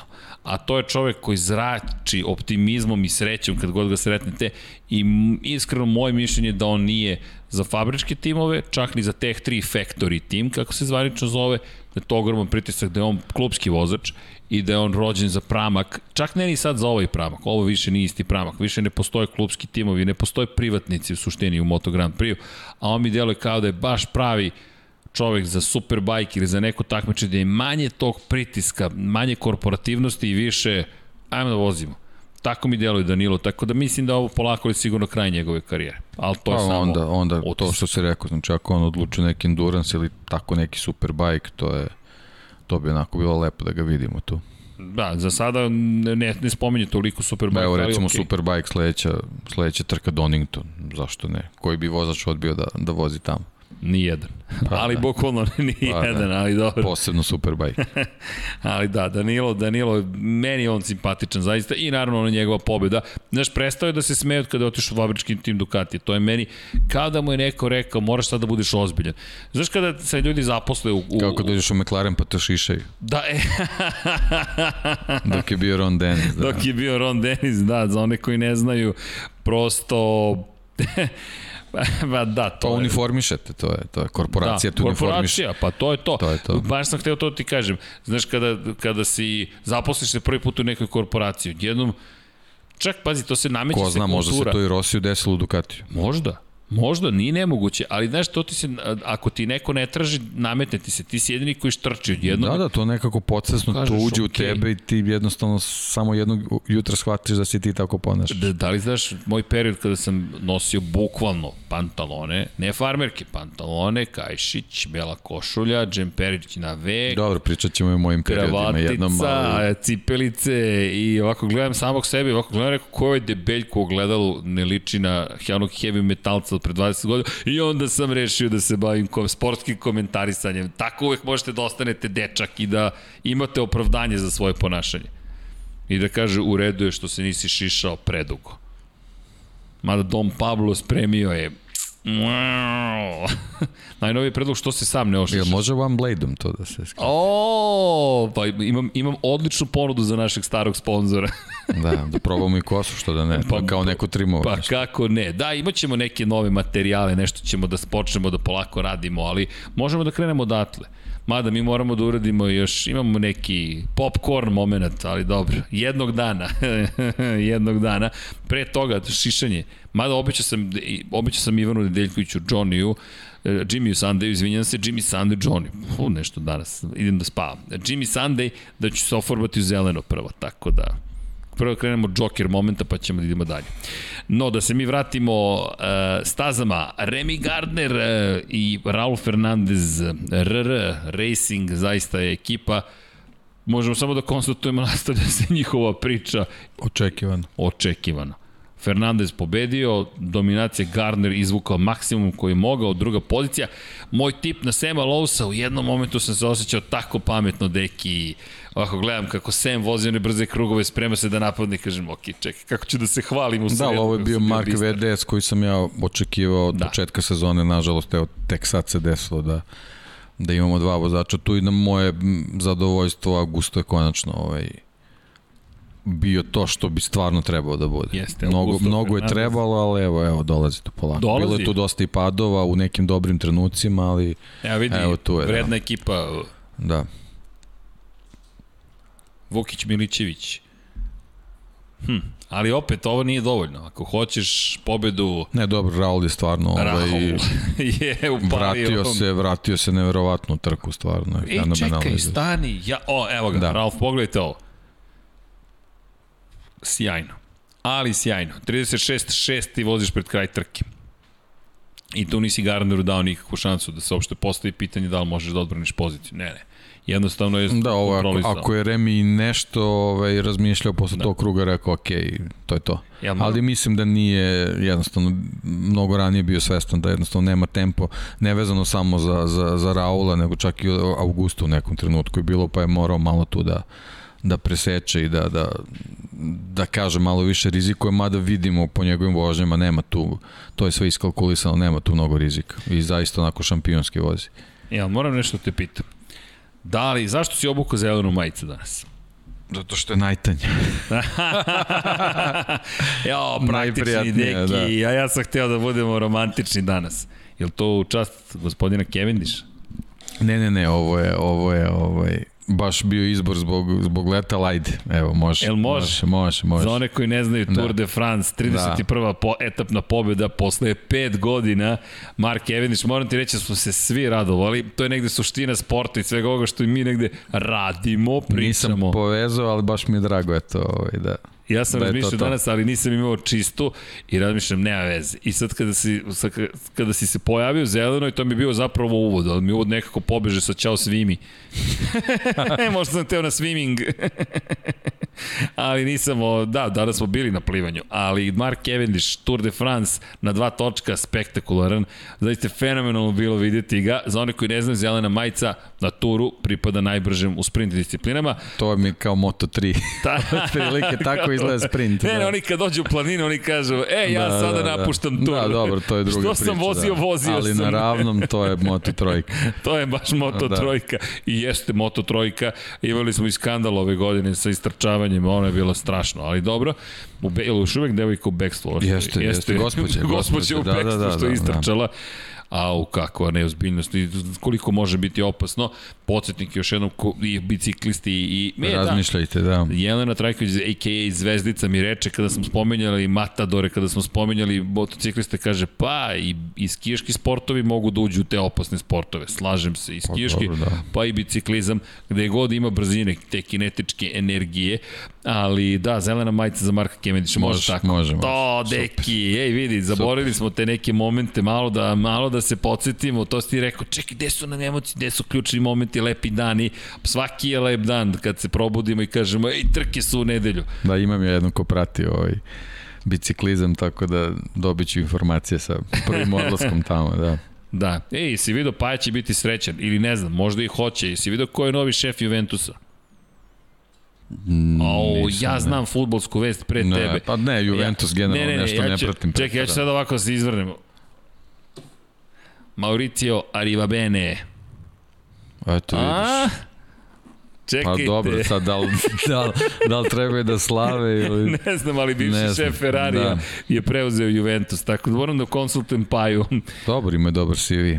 Vero, ali verovatno niko CV. nije pratio ovaj, kakvi su rezultati. Ne volim te CV-e, znaš. To je LinkedIn, aha, gde si bio, ali niko, ti, moment. niko te ne pita, a šta si tamo znaš, uradio? Znaš ono LinkedInu kad piše ovo, ovo, da. ovo, da šta si postigao? Pa tad pusti šta sam postigao, važno da sam ja to radio, tako da, da, ali eto, dobro, u čast Marka Cavendisha da se vratimo tome i dobro, eto, dobro. pratit ćemo Mauricija Rivabene, da se vratimo na Moto dvojke, odlična trka za, za Mark VDS Racing, nisu pobedili, ali treće mesto, kao što si re, rekao za Augusta Fernandeza, Sam Lowe's, mnogo bolje izdanje nego što je imao posle duže vremena, četvrta pozicija, pa trend je pozitivan, sedmi, peti, četvrti, vratit će se i na pobedničko postolje. Do Aragona taman.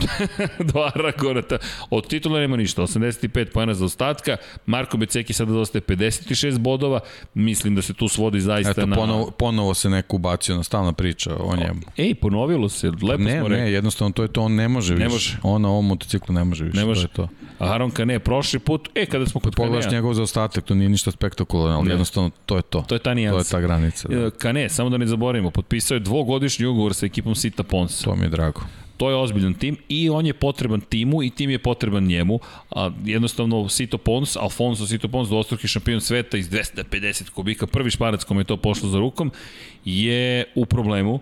Hector Garzo nije doneo ono što je trebalo, Stefano Manci nije doneo ono što je potrebno, a to je tim koji mora da se bori za titulu šampiona sveta i neophodno im je da donađu do adekvatnu zvezdu. Aron Kane je potencijalna zvezda, uz Sita Ponsa postoji nada. Postoji nada. Poslednji put kada su imali pobjede, Lorenzo Baldassari je bio tu i Augusto Fernandez je bio u toj ekipi i baš moćan tim su sačinjavali.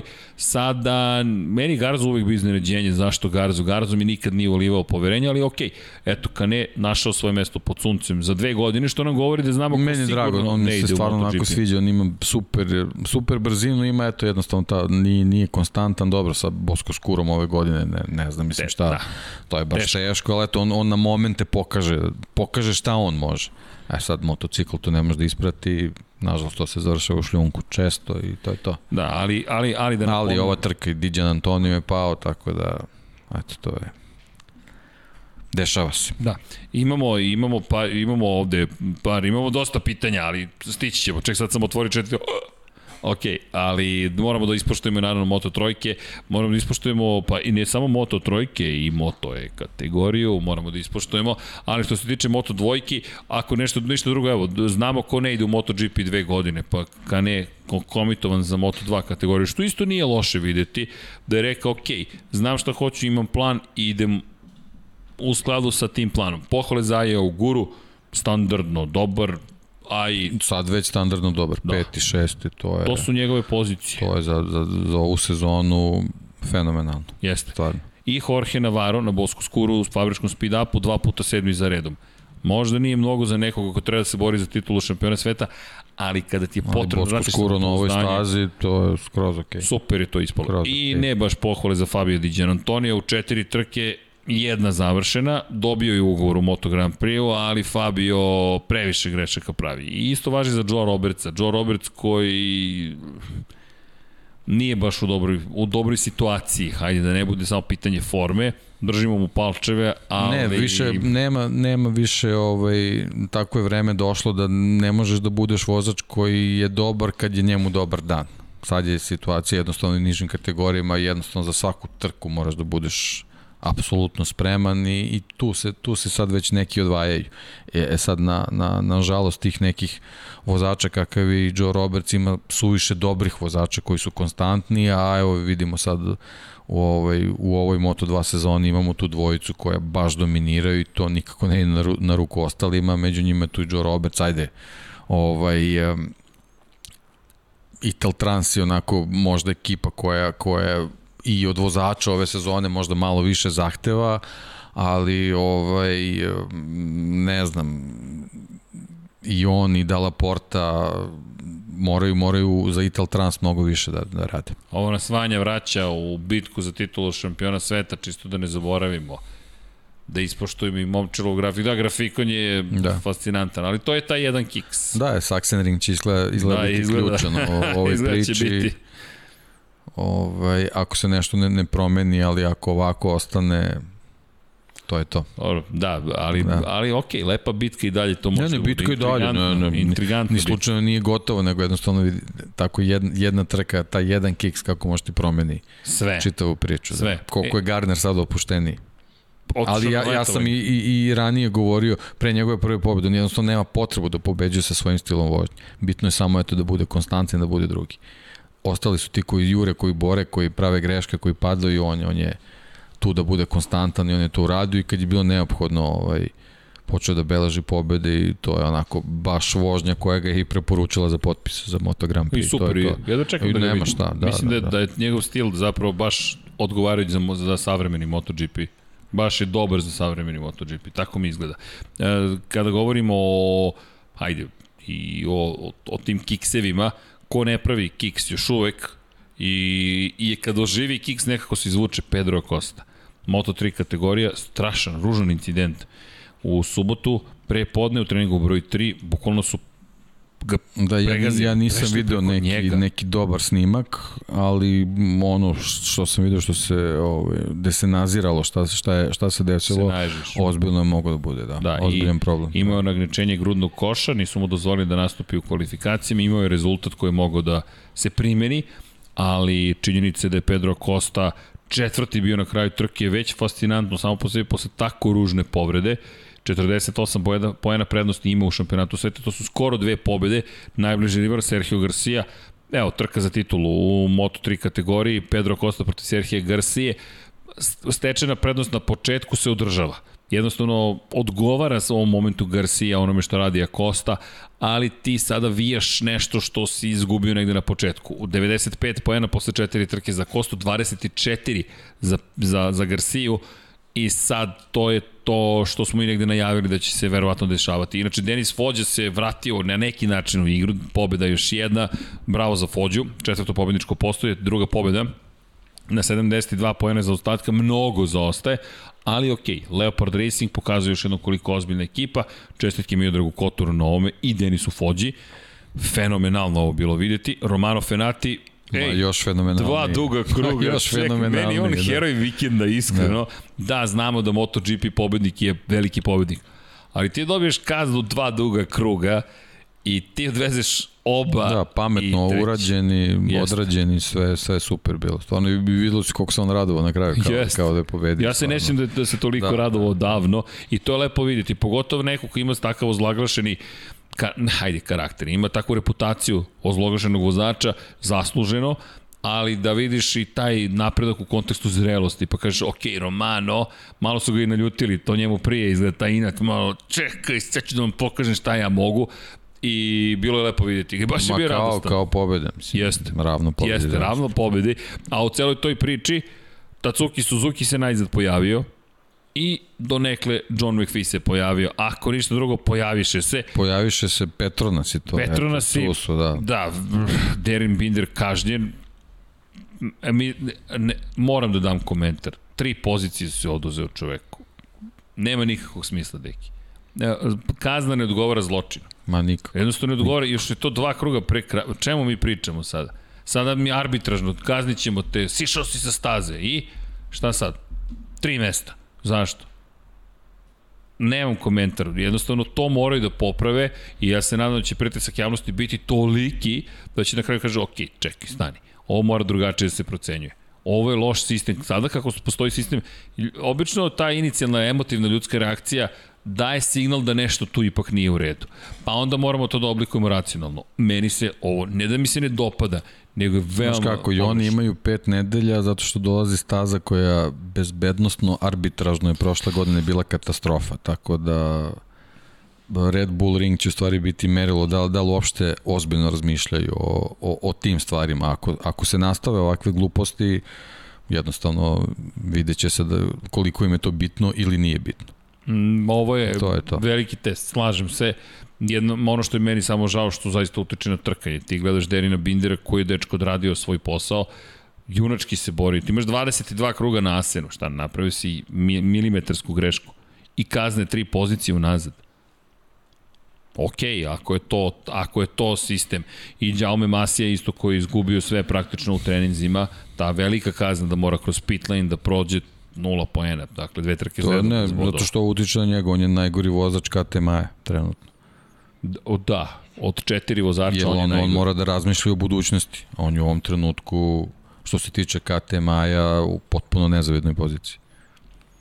Da, baš je nezahvalno. Baš je nezahvalno. Ne, ne znam šta će biti iz te perspektive, ali ja, Masija ove godine, moram priznati da ovo baš peh. Jednostavno peh. Našao si se u nekoj grupi te dramatične kazne, ali ne vidim da suštinski menjaju neke stvari. Oni dalje ljudi čak mislim da sad više ne znaš ni šta treba da uradiš. Ne, te kazne, da te kazne dovode do toga da oni jednostavno lutuju pre, pre svega kad pričamo o Moto trojkama, pričamo o mladim momcima. Mislim, to su neke stvari gde, gde ih teraš da umesto da se koncentrišu na vožnju, oni počinju da razmišljaju o nekim stvarima i počinju da budu nesigurni u nekim detaljima što što na tom nivou vožnje to je apsolutno nepotrebno i, i opasno može opasno. da bude. opasno može da bude što je to. upravo kontra onome što Tako ti želiš je. da postigneš. Tako ti, je. ti se pozivaš na bezbednost, a zapravo radiš nešto što bi pozivaš se na da bezbednost i ja što sam što ponavljam već iz trke u trku ti na, na tim nekim mestima su te te zelene zone ti jednostavno vidiš koliko su oni revu s tim s tim motociklama da bi te gume nekako ta 2 3 mm ovaj, ostala na putanji koja ne gazi tu liniju. To, to je potpuno suludo, jer ti jednostavno tu isputavaš da, da, vo, da voze na svom maksimumu. To je, pritom niko tu ne seče stazu, to, to, je, to, to su proširenje. Mislim, zašto ste napravili ta proširenja? Ostavite onda go šljunak do asfalta, pa kosiđu šljunak. Ili travicu. Pa, ne, nešto, ne znam, mislim, to je verovatno nije zato što je nebezbedno, I, a ovo je bezbedno. Da te pitam, Tako da... ali to je sada vrlo nezgodno pitanje, da li je uopšte moguće, delo mi da nije moguće, ali ajde, Paul Ricard, Pa mislim za, za, za, za motocikle je nemoguće misija. Ne, ne, to posebno zbog pada, zato što da, ti moraš da imaš ljuna kao, moraš da imaš ljuna kao moraš da imaš zonu, da. ne, ne smeš da imaš taj. Da, to je neprimenjivo. Mislim, zamisli, zamisli kombinezon koji padne na... Ne, na, to je čao, pokidan. Ne, kombinezon. Bilo šta. Ne, da Bože, i dalje nešto, tako da ne može, ali, ali jednostavno ovo s ovim linicama i crtavanjima, to mi je baš, baš neverovatno. Ali tako će verovatno pa da, ali, ali, ali kvari, kvari trke i jednostavno baš onako neki antiklimaks u nekim trenutima, trenucima donose i to je onako antisportska stvar. Tako da čekamo moraju, Red Bull. Ne, neko rešenje Ali mislim da, da naredne godine tek će biti. Da, pa da, ne verujem da. Ove godine mislim da pa, će se držati nisu nisu ni prošle godine ništa promenili ne. za ovu, tako da. Pa nije promena bilo ni da. na stazi u Austriji. Da. Ne, jednostavno možda će staviti opet ogradu koja će da hvata zapravo potencijalne delove koji preleću preko zapravo ulaska u krivinu broj 3, ali nadam se da to neće biti potrebno, no očekujem da će se time pozabaviti. Ono što je pozitivno u odnosu na prethodnu godinu jeste, jeste svetlosna signalizacija, sada na svakoj stazi mora da bude svetlosna signalizacija, što je mnogo, mnogo bolje. Jeste, ali kažem, dok, dok se ne neki, po meni, neki head-up display u, u kacigi, mislim da tu ne, ne može od vozača se očekuje da, da da, da to, sve vidi. Da pa, to vidi. Setimo se Banjaje u Portugalu. Da, da, da, da. U Portugalu nije mogao čovjek da vidi, on skreće da, levo. je ono, u, u deliću sekunde se pojavila desna. žuta zastava i njemu propastila trku. Čito. A on to ne može da vidi. A ne može I da vidi. Niti namerno radi bilo šta koje nešto što je vam pravila. To je laps. Da, pa da. To je splet okolnosti. Tako je. I još jedna trka se desila, moto je kategorije Eri Granado Vidi, dominacija u kvalifikacijama je potpuna, sada dve pobjede u četiri trke i evo ga Granada u borbi za titulu šampiona sveta, 17 pojena je iza Alessandra Zakonea, Za Kone u toj cijeloj priči Dominik Egerter ostao bez bodova, velika stvar s obzirom na činjenicu da je on jedan od favorita, isti broj pojena sada Granado i Egerter i mislim da će njih dvojica voditi najveću bitku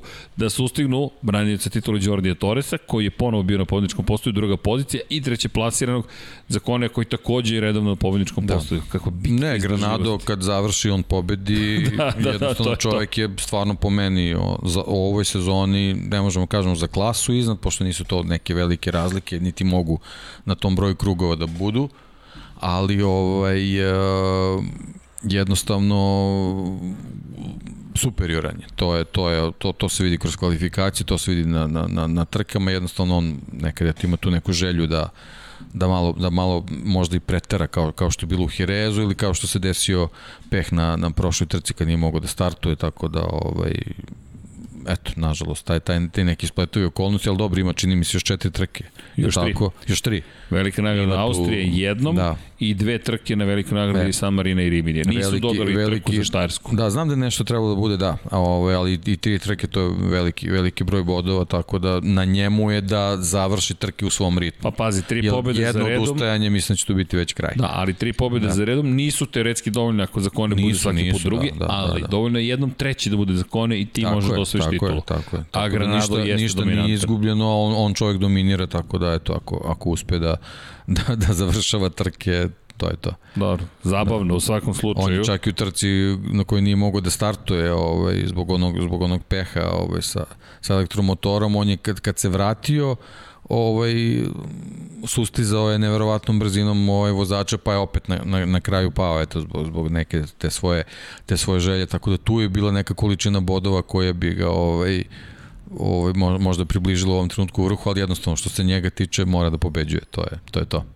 Da, imali smo i kup talenata severa ovog vikenda, samo kratko, pobedio Rossi Moore, iz Mađarske, no, u drugoj trci u prvoj Lorenzo Luciano, iz Belgije vodi Jakub Gjurecki iz Češke republike, konstantan, stalno na pobedničkom postoju, pratimo, eto, i kup talenata severa u Francuskoj, Nemačkoj i Holandiji su se vozile trke do sada. Ovoga puta, eto, ispratili su ponovo švedsko prvenstvo, pa eto, vodimo računa s obzirom činjenicu da te klince, pa i klinke neke, nadamo se da ćemo videti negde u budućnosti u šampionatu sveta. Kup talenta Severa inače fokusiran na centralnu Evropu i čak i za ljude sa ovog prostora imaju mogućnost da se takmiče najzad imaju mogućnost još samo da napravimo ekipu i kao što smo rekli čuli ste te već planove Lab 76 hoćemo da stvorimo korak po korak što kažu sve se dešava tako. Malim koracima stići ćemo do uspeha, pa eto, ukoliko verujete, ja verujem, a i znate kako da uradite neke stvari, prilično sam sigurno da ćemo stići do tog cilja. A ukoliko vam se dopada, udrite like, subscribe i inače to nam je jedna od misija svakako da napravimo ekipu koja će jednog dana nadamo se dospeti do svetskog prvenstva u motociklizmu, ne šalimo se. Koliko će nam vremena biti potrebno, ko to može da zna, ali odustati nećemo.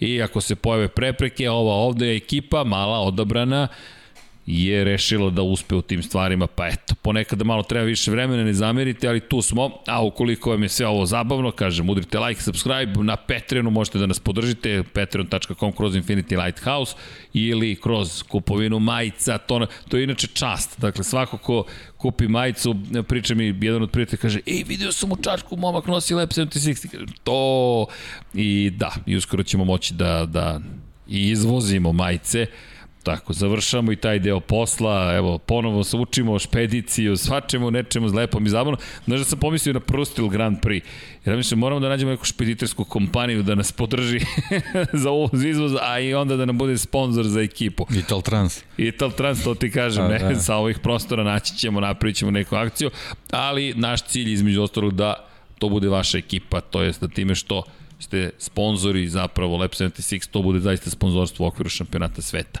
To su naši snovi. Eto, da čujemo vaše ideje, pitanja i Moto tako dalje. Moto Grand Prix, Fantasy. Moto, u, da, uf, uf, uf, uf. Fantasy MotoGP. Pa pazi, ja se spremam za veliki comeback u nastavku sezone. I pažljivo radim na tome. Miksam gde ko šta kako ide, čak mi je ostalo i malo više para ili ti imam dobar izgovor zašto sam katastrofalan ali u ligi zvanoj Lab 76 Official League trenutno sam 296 od 596 takmičara. Gospodine Potkonjak, koji je vaš... 338. čekaj, čekaj, čekaj. Da li to, da, izvini, sam te ja to pretekao. Jack Miller u timu. Opa, molim vas, da mi, a imam... Quartararo, Oliveira, Izvini, i pitam, ti imaš sve trke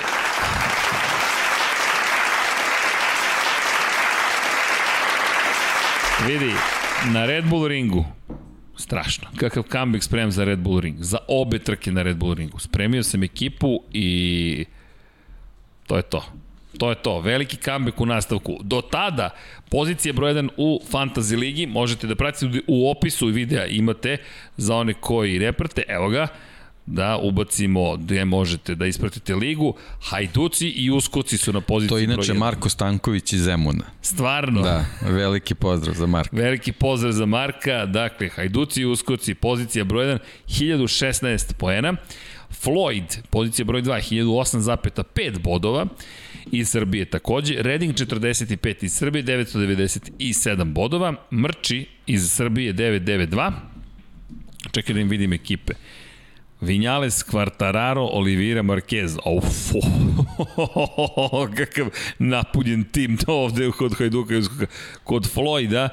Quartararo, Vinales, Zarko, Marquez. Svi su kupili Marqueza dok je bio jeftin. Da, jedno što su uh, petorica ovaj, prvoplasiranih potrošili su bustove, ali tako? Tako je, ja vidim, pa kažem da. ti, stiže da, da, da, lagano. Quartararo, Vinales, inače svi su po bili Boga mi svi, ovaj prvi deset samo jedan, ovaj, Ja tako, ako dobro vidim, da. pošto meni malo mi se duplira ovaj, jedan, čini mi se da, da ostamo jedan boost i to je to.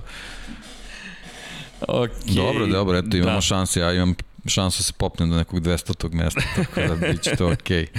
Pazi, Quartararo, Vinjales, Ducati, Olivira, Miller, to je kod Redinga 45, zatim Mrči, da vidimo šta imam kod Mrči. Ja, ja, jedno, ja jedno pričam u podcastu, potpuno drugačiji tim biram ovaj, u fantaziji, nemam kad pojma. To bile, kad je to bilo pa, racionalno? Ne znam, da. Ne, to je samo, ovaj, mnogo me mrzi da ovaj, posle svake da, trke da, menjam da. tim, stvarno. Ali dobro, neka. Ali, Držim se ovih momaka, to je to. Da, zatim Mrči, da. isto situacija. Quartararo, Marquez, Zarko, Vinjales, Ducati. Zlatni Ducati iz Hrvatske 975,5 Quartararo Marquez Banjaja Zarko Ducati, a ovde obožavalac Ducati, ja bih rekao, Ok, porno star elita, fascinantno ime, ali dobro. Quartararo, Olivira Ducati, Zarko Banjaja, nećemo cenzurisati. Iz pa Srbije da 965, nemam što da cenzurišem. Opa, pazi ovaj tim. VR46 tim Srbija. Mislim da ni Rossi ne zna da ima svoju ekipu u, u Srbiji. Mada, kada vidim koliko hamburgerđinica ima njegov zaštitni znak, pitam se čovjek ima da, i ovaj, da li ima lanac čovjek. Servisi mobilnih i da, tako. da, svašta, svašta nešto, nešto ima. ima da. 972 poena, Team Turbs, mali pa pad u formi, koliko vidim, Južnoafrička republika 972, manje više svi imaju i iste ekipe, to ti je to ako hoćeš da pođeš, mada Ver 46 tim Srbija ima Yamahu kao izabranog proizvođača. Pazi, opa, to je ozbiljan izbor. Zatim, Pecotka Racing iz Norveške, Vinjales Quartararo, Ducati Zarko Oliveira i TM 1921 iz Bosne i Hercegovine Oliveira, Quartararo, Ducati Marquez Zarko. E, ovi čovek ovde dosta onako, a pazi, porno stare elite ima još jednog džokera. I to je to. I to Što se tiče to. prvi deset. Da, ja imam dva džokera. Ja imam još jednog, ali kad ga budem ovaj, uložio, to će biti... To je pobjeda. Spektakularno. Kako će to skok da bude? Dobro, pazi ovde, gledam ja 103 poena, 162 poena. Na prethodnoj trci sam napravio taktičku grešku. Znao sam šta treba da učinim i nisam to učinio, ali dobro. Nisam još ni loše prošao u celoj priči. Ali dobro. Da ne plačemo sada. Don't cry for me fantasy. I da se prebacimo na pitanja i odgovore. Ne, ovde samo vidim da se priča o Tour de France-u, tako da ništa. To Tour, je to. Tour de... Da, da, ja mislim da to to za večeras. To je Tour, dakle, Tour da. de France. Hvala svima na komentarima za tur, to je to. e, ali čekaj, čekaj, Mario Vidović, imamo tu par pitanja. Pozdrav, Deki Srki, možete li ukratko pojasniti princip, inače hvala za podršku Mario, pojasniti princip kvalifikacije u MotoGP-u za nas koji smo tek počeli pratiti, hvala. I Srki, pošto si jučer rekao da bi voleo više pratiti skiške discipline, jesi li bio ispratio skiške rezultati Janice Ivici Kostarić, pa ako imaš neki komentar o tome, hvala. Mario, ajmo da krenemo od kvalifikacija. Princip je sledeći. Imamo tri takozvane nezv, nezvanična treninga jutarnji u petak, popodnevni u petak, FP1, FP2, free practice 1-2, imamo u subotu ujutru FP3, slobodni trening broj 3 i potom kvalifikacije popodne, pre njih ide slobodni trening 4, ali on za ovu priču nije toliko značajan. U ta tri, prva tri treninga se gleda najbolje vreme pojedinačno koje je takozvana kombinovana vremena. Izabere se najbrži krug koji se ima u ta tri treninga i na osnovu toga se pravi poredak vodećih 10 direktno odlazi u takozvani QP2 deo kvalifikacija. Kvalifikacije su podeljene na dva dela, dva puta po 15 minuta, inače slobodni treninzi traju po 45 minuta. U prvom QP1, dakle u kvalifikacijama 1, vodeća dva vozača na osnovu najbrže kruga koje odvezu klasične kvalifikacije, idu dalje u Q2 deo kvalifikacija. Ostali startuju sa pozicije 13 pa nariše. Dosta jednostavno i onda tih poslednjih 15 minuta 12 najboljih vozača sveta po najboljem krugu, poredak u prva četiri startna reda, tri vozača u svakom redu i to je manje više to. Trening broj 4 se ne gleda iz te perspektive, koristi se isključivo zapravo za pripreme za trku. To je nastalo iz perioda još dok su treninzi, nekada su treninzi trajali po ceo sat. I u kontekstu pa prilagođavanje televizijama su, skra, su skraćeni treninzi. Pored toga, pošto su kvalifikacije takođe trajale 60 minuta, dešavalo se da vozači manje više prvih 45 minuta koriste za pripreme za trku. I niko ne pokušava da postavi najbolje vreme, nekoliko razloga. Prvo, uigravate se od dva popodne kada počinje taj kvalifikacioni trening, kada je počinjao za ono što će vas čeka u trci. Prvih 45 minuta. Svega zato što vreme odgovara. Tako je. Dva sata. To je taj period to dana. To, da. I pritom trke traju oko 45 minuta. Završite prvih 45 minuta i vi onda krenete u kvalifikacije. E sad, šta se tu dešavalo? Većina ljudi je onda dolazila da gleda kvalifikacije pred kraj treninga. Ređe se dešavalo da na početku, usled, na primjer, dobrih vremenskih uslova, ili toga što, na primjer, je ostalo dovoljno guma iz prethodnog kvalifikacijonog treninga, obično Moto trojke, se vozi malo agresivnije. Ponekada na stazama gde je, gde je poslednji Moto Grand Prix se dešavalo takođe da su agresivniji na početku jer ima više gume od Moto dvojke. Ali da bi se stekao, da bi se napravio pa možemo reći uvek spektakl, napravljeni su Q1 i Q2 gde imate vrlo malo vremena i nema priprema, nema simulacije trke, vi samo vozite brze krugove, što nam je donalo te uzbudljive kvalifikacije. Razlika u Moto3 i Moto2 kategorijama u tome što vodećih 14 iz prva tri treninga odlazi direktno dalje, a 4 mesta iz Q1 vas vodi u Q2 i 18 najboljih vozača vozi Q2. Eto. A što se tiče skijanja, pa pratio sam, nisam dovoljno ispratio Janicu Ivicu, ali pa oni su legende alpskog smučanja, pogotovo Janica i ono što je on devojka činila jeste bilo impresivno i prilično neverovatno, ali neki moji prijatelji su njihovi prijatelji, pa eto, to je malo bilo nekako, sam više imam informacije na intimnom nivou, ali u to vreme već sam prestao da pratim toliko aktivno skijanje, činjenica je da se radi o, o čuvenom brat, paru, da kažem, bratu i sestri, tako da, šta da kažem, meni je uvijek radost kada neko svojih prostora uspe u bilo kom sportu, meni to je prosto zabavno i u njihovom slučaju nešto veoma lepo konačno. Ne, uspeh na ozbiljnom nivou. Jeste. I Zagreb je u jednom momentu imao je. takođe, to je bilo malo teže organizovati, ali imao je trku... Pa imaju, da, na Sljemenu. Jel imaju još uvijek? Da, da, da. E, da, da nisam, da. eto, nisam pratio. Da. Davno ne pratim e, globuse Nažalost, ali eto, nekad davno, pre 15 godine sam baš učestvovao aktivno, ali posvetio sam se nekim drugim vrstama trka. Tako da eto, bit će prilike. Da li imamo još neko, pri, neko pitanje? A da nije biciklizam. A da nije... da, da nije biciklizam. Da, Čekaj, imam ja jednu na da. Instagramu da. dok, dok mi rade oči samo da... Ali mislim da, da si spominja ovo. Uh, Pozdrav za sve studiju iz Hrvatske. Pitanje za Q&A, da li ste primetili prilikom proslave Kvartararo slavio s ekipom dok je Vinjale samo stavio bez ikakvog pozdrava? Da li je to nagovešte da se seli iz Yamahe u aprilu ili Hondu? Pa nije to nagovešte za to, nego upravo je dokaz da, da je, je to jednostavno nastao neki problem sa, sa Yamahom i to onako baš izgledalo tužno malo. Mislim da je Srđan to spominjao već. Da, da, pa to je ta scena gde on stoji sa strane Neslavi, a Kvartararo se baca u zagradi svoje ekipi. Imate prosto suprotne emocije, ali... Pri tom što, što najgore što on možda misli da oni možda loše reaguju. To je, to je opet problem sa Kvartararom. Sa, sa Vinjalesom. Da. Meni se to nije dopalo iskreno, što je suviše bilo lično i suviše privatizovano. S jedne strane, mislim da je ekipa uradila posao, oni su dvostruku pobedu ostvarili, možeš da se zagrliš, izgrliš sa svojim ljudima i kasnije kažeš razilazimo se.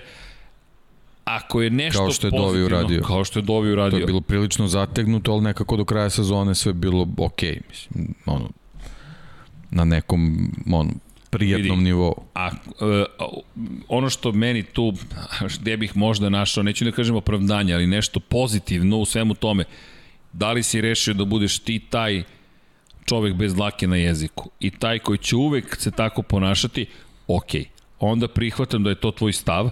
Jorge Lorenzo su često to zamerali što je uvek dosta jasno pokazivao svoje emocije, ali ok, je li to tvoj stav, ti si taj koji je nezadovoljan, negoduje, javno će pokazati kako stvari stoje, samo ostani dosledan. I neka uvek bude tako. Ništa drugo. Samo nemoj da sutra bude po potrebi. Samo to. Ali isto tako vraćam se na, na negde nešto što smo više puta spomenuli. Kao veliko dete. Kao veliko dete. I on je predrag čovek, ali u kontekstu tog šampionata... Ma da, evo još jedan poziv, pogledajte intervju na na YouTube-u našem, Jest. na, na Infinity-u, jednostavno da vidite da koliko, da, koliko ovaj čovek koliko je prijatan kad se razgovara s njim, Ma, drag. kad je raspoložen, kad je, ali jednostavno u toj nekoj profesionalnoj komunikaciji to je, nije, nije očigledno porađeno koliko je trebalo. Evo, sad ćemo odmah da, da, da stavimo u chat, samo da nađem Vanja, ja ću da ubacim sad u chatić. Evo, za sve koji eventualno žele da pogledaju od naših prvih, evo, ovo je naš prvi intervju. Srdačan podrev za sport klub redakciju od menadžera Fantasy tima Hajduci Uskoci, imam to čas da se trenutno na prvom mestu u Lab 76 Ligi prvo mesto u Srbiji i 15. na svetu. Bravo Marko! Opa, navijamo za tebe Marko da. na svetu, na globalnom nivou. Bravo! O, pa bravo Marko, to je fenomenalno. To je A, baš Vanja, daj aplauz, čekaj, ovo je za aplauz, molim vas, dame i gospodo, Marko Stanković, bravo. Vidiš, to ti je radio DJ, radio... Bakadu kaže Ver 40 liga naša isto u fantaziju. Bravo Hajduci i tako dalje. Kao koja je šansa da se desi transfer potkonjak, to, pa čujte sad, to su neke to su teški pregovori, znate, to ja ih ne vodim, tako da ne možemo, nemamo sad učesnika sa ove druge strane, mi se ne pitamo, ali da, ali da se pitamo, gospodin Đankić, ja zna, znate, znate vrlo lako odgovor. Pošto raste sve breći broj Ducati u MotoGP-u, da li će možda oni da urade ono što fabrički tim, tim čina fabrički tim u svim klasama? Može li neki triumf motor sa Ducati oplatama?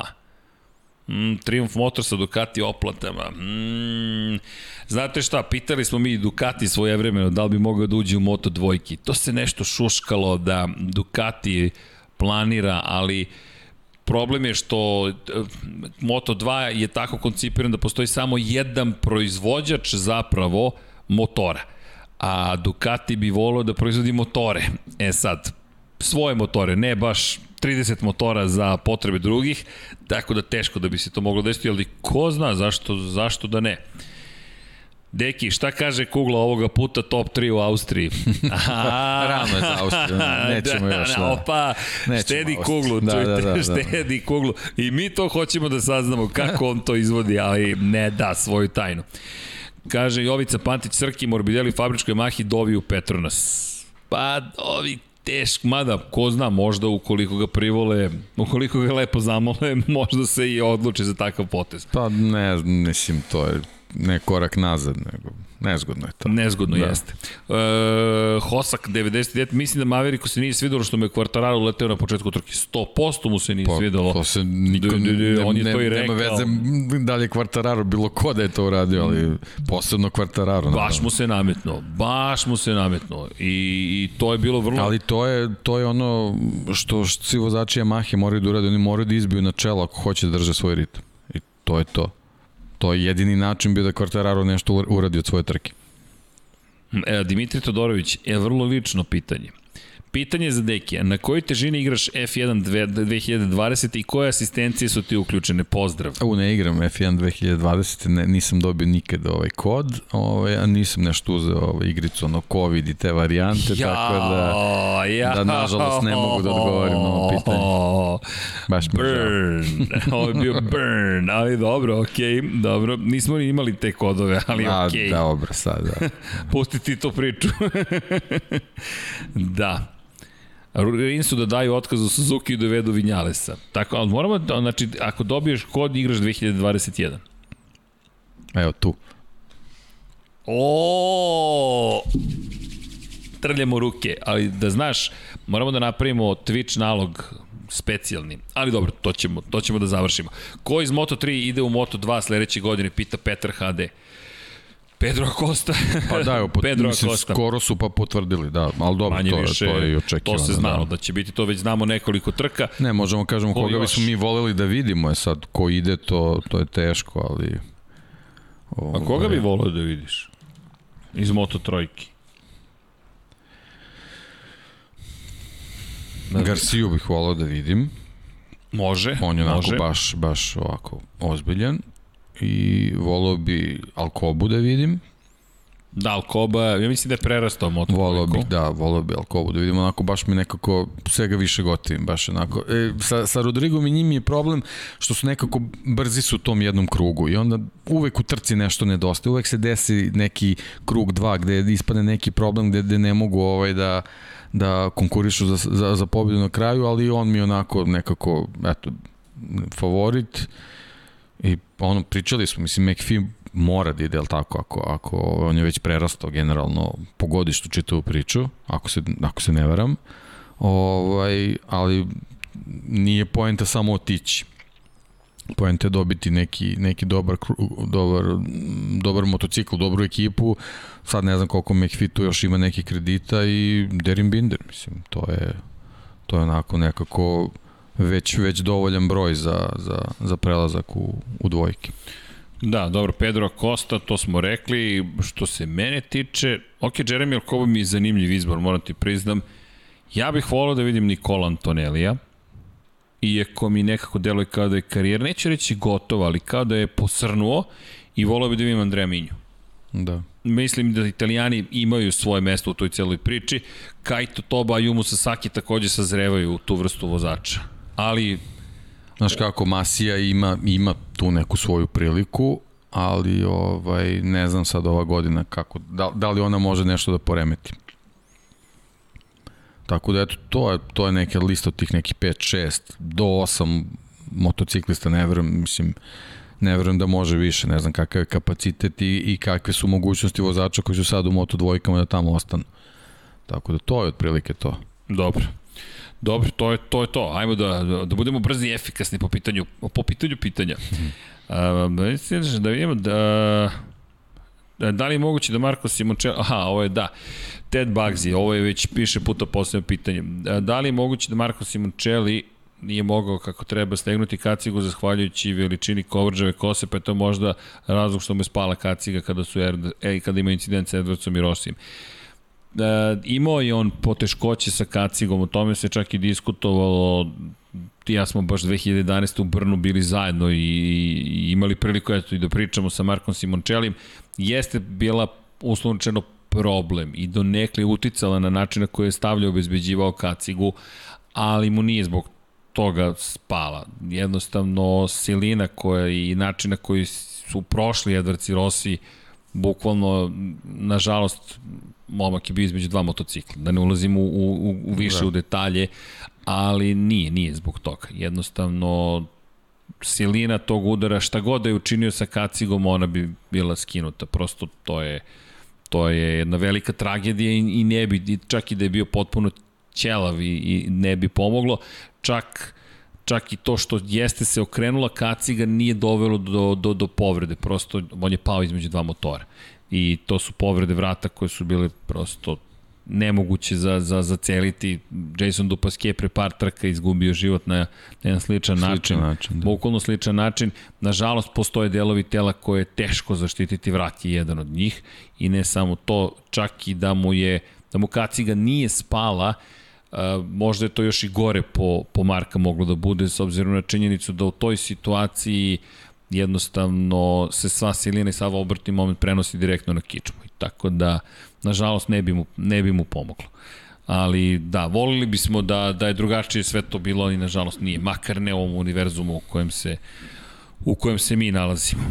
Tako da nadam se da smo odgovorili na pitanje, ne, ne bežimo od tog pitanja, prosto to jeste nešto pa, što se ono, eto, možda će biti prilike s nekim baš stručnjakom da. ovaj, renomiranim da razgovaramo na tu temu, da, da, da vidimo njihova mišljenja, ali slažem se ovo što je Srđan rekao, mislim da je to jednostavno fizika je učinila svoje, a ne, a ne neki loš vez ili, ili prevelika kosa.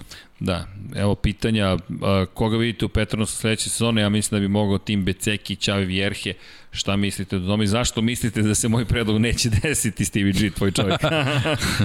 pa, e, vrlo jednostavno, Ver 46 i Marko Beceki se neće razići šanse da se to desi mora da se svede na nivo svađe ili toga da je Marko Beceki rešio da je vreme da ode iz VR46 Akademije. Marko je veoma emotivan momak, ja to ne vidim, imali smo priliku da ga upoznamo, još je emotivniji nego što izgleda pred samim kamerama.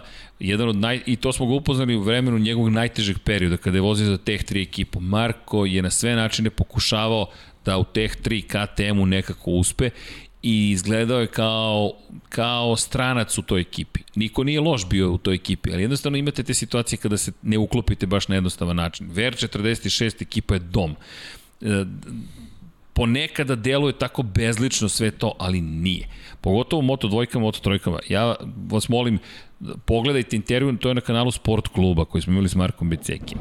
I obično imate, sa Lukom Marinim je bio nekako opušteniji, ali Luka je, iako je Moto Grand Prix zvezda, on sedne u restoran, u domaćinstvo i tu ima intervju.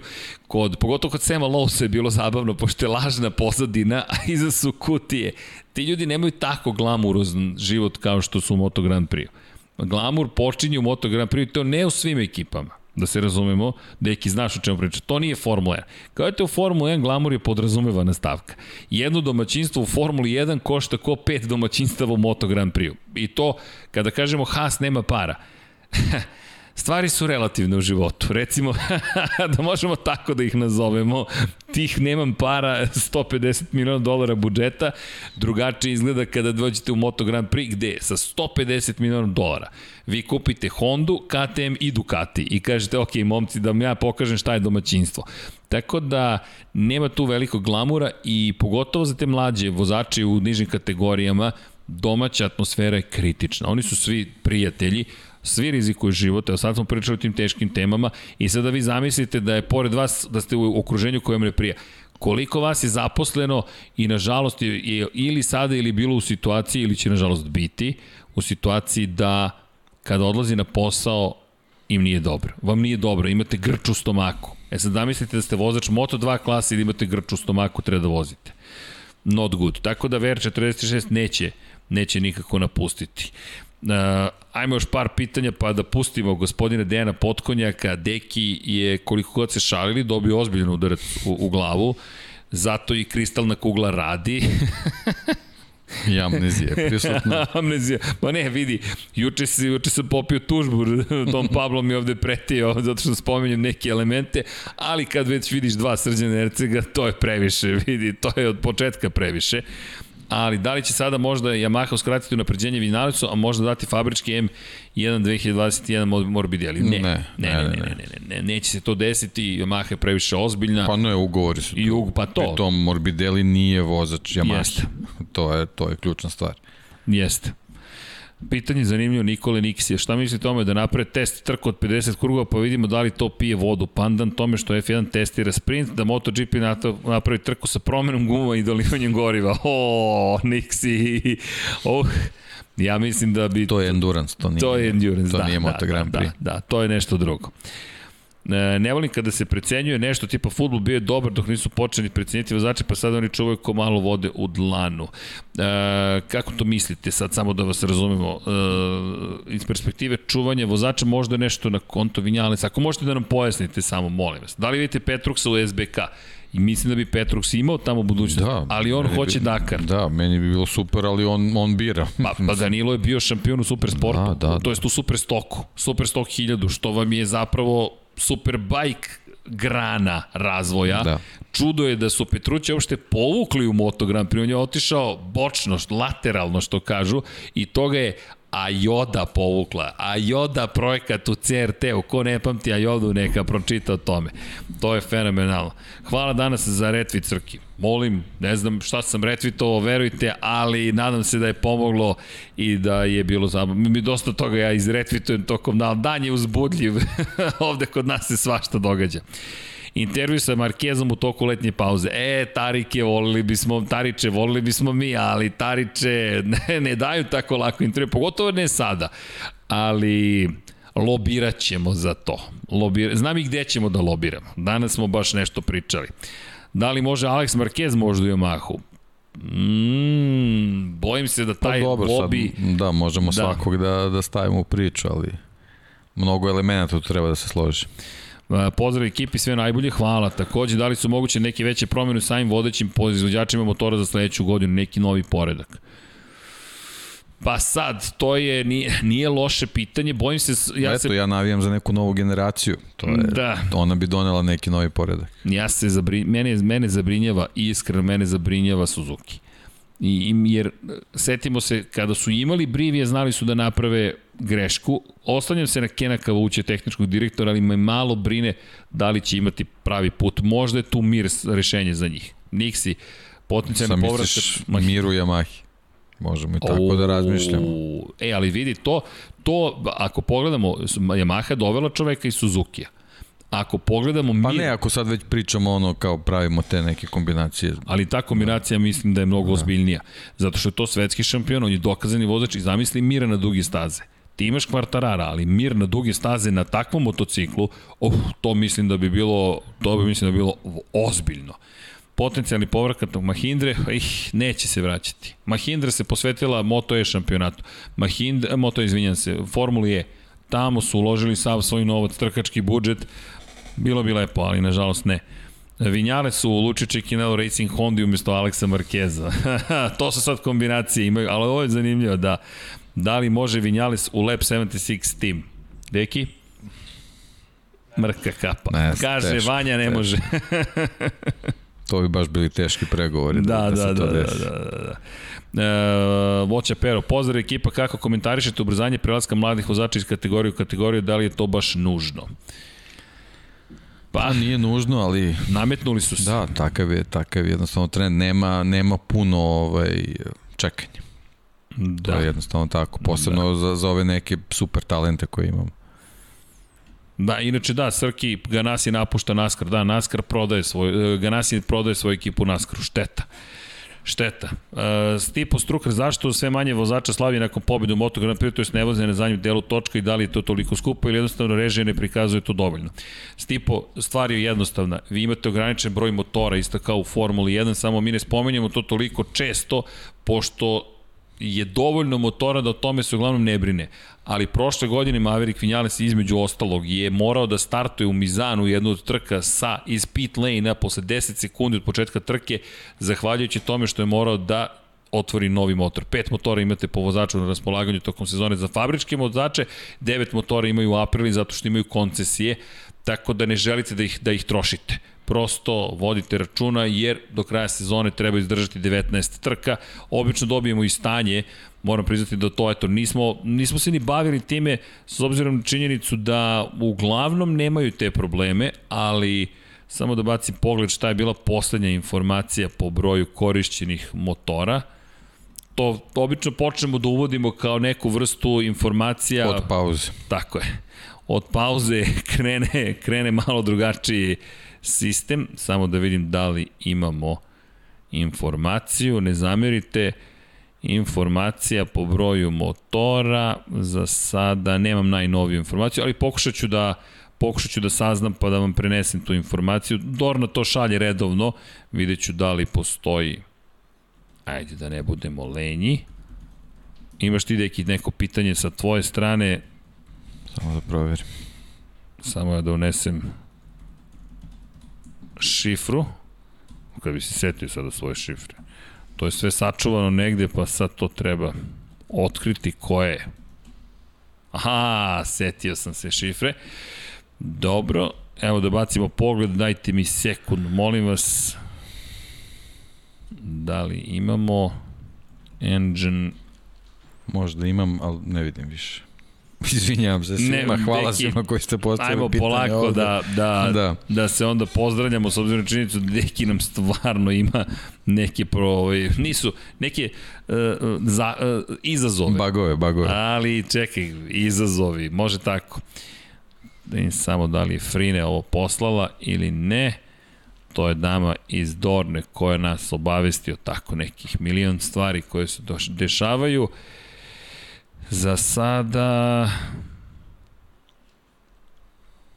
Evo sad ćemo da vidimo šta kaže stanje motora posle velike nagrade Holandije. Engines, evo ga, Samo sekund, molim vas. Dakle, šta smo rekli? Imamo, uh, ne, sedam motora, izvinjam se, ja sam rekao pet motora. Imamo sedam motora na raspolaganju tokom sezone, a Lorenzo Savadori i Aleš Espargaro imaju ih devet na raspolaganju. Da vidimo, uglavnom su na četvrtom motoru vozači. Ali opet čuvate ih i iz te perspektive vodite računa, zato nema potpisivanja. Eto, nadam se da sam, nadam se da sam odgovorio. E, neću da pitam Dekija, da, nešto pitaju za tvoju masu, da li si u vojsci nabio masu? A nisam, ne, ne. U Lab 76? Masu.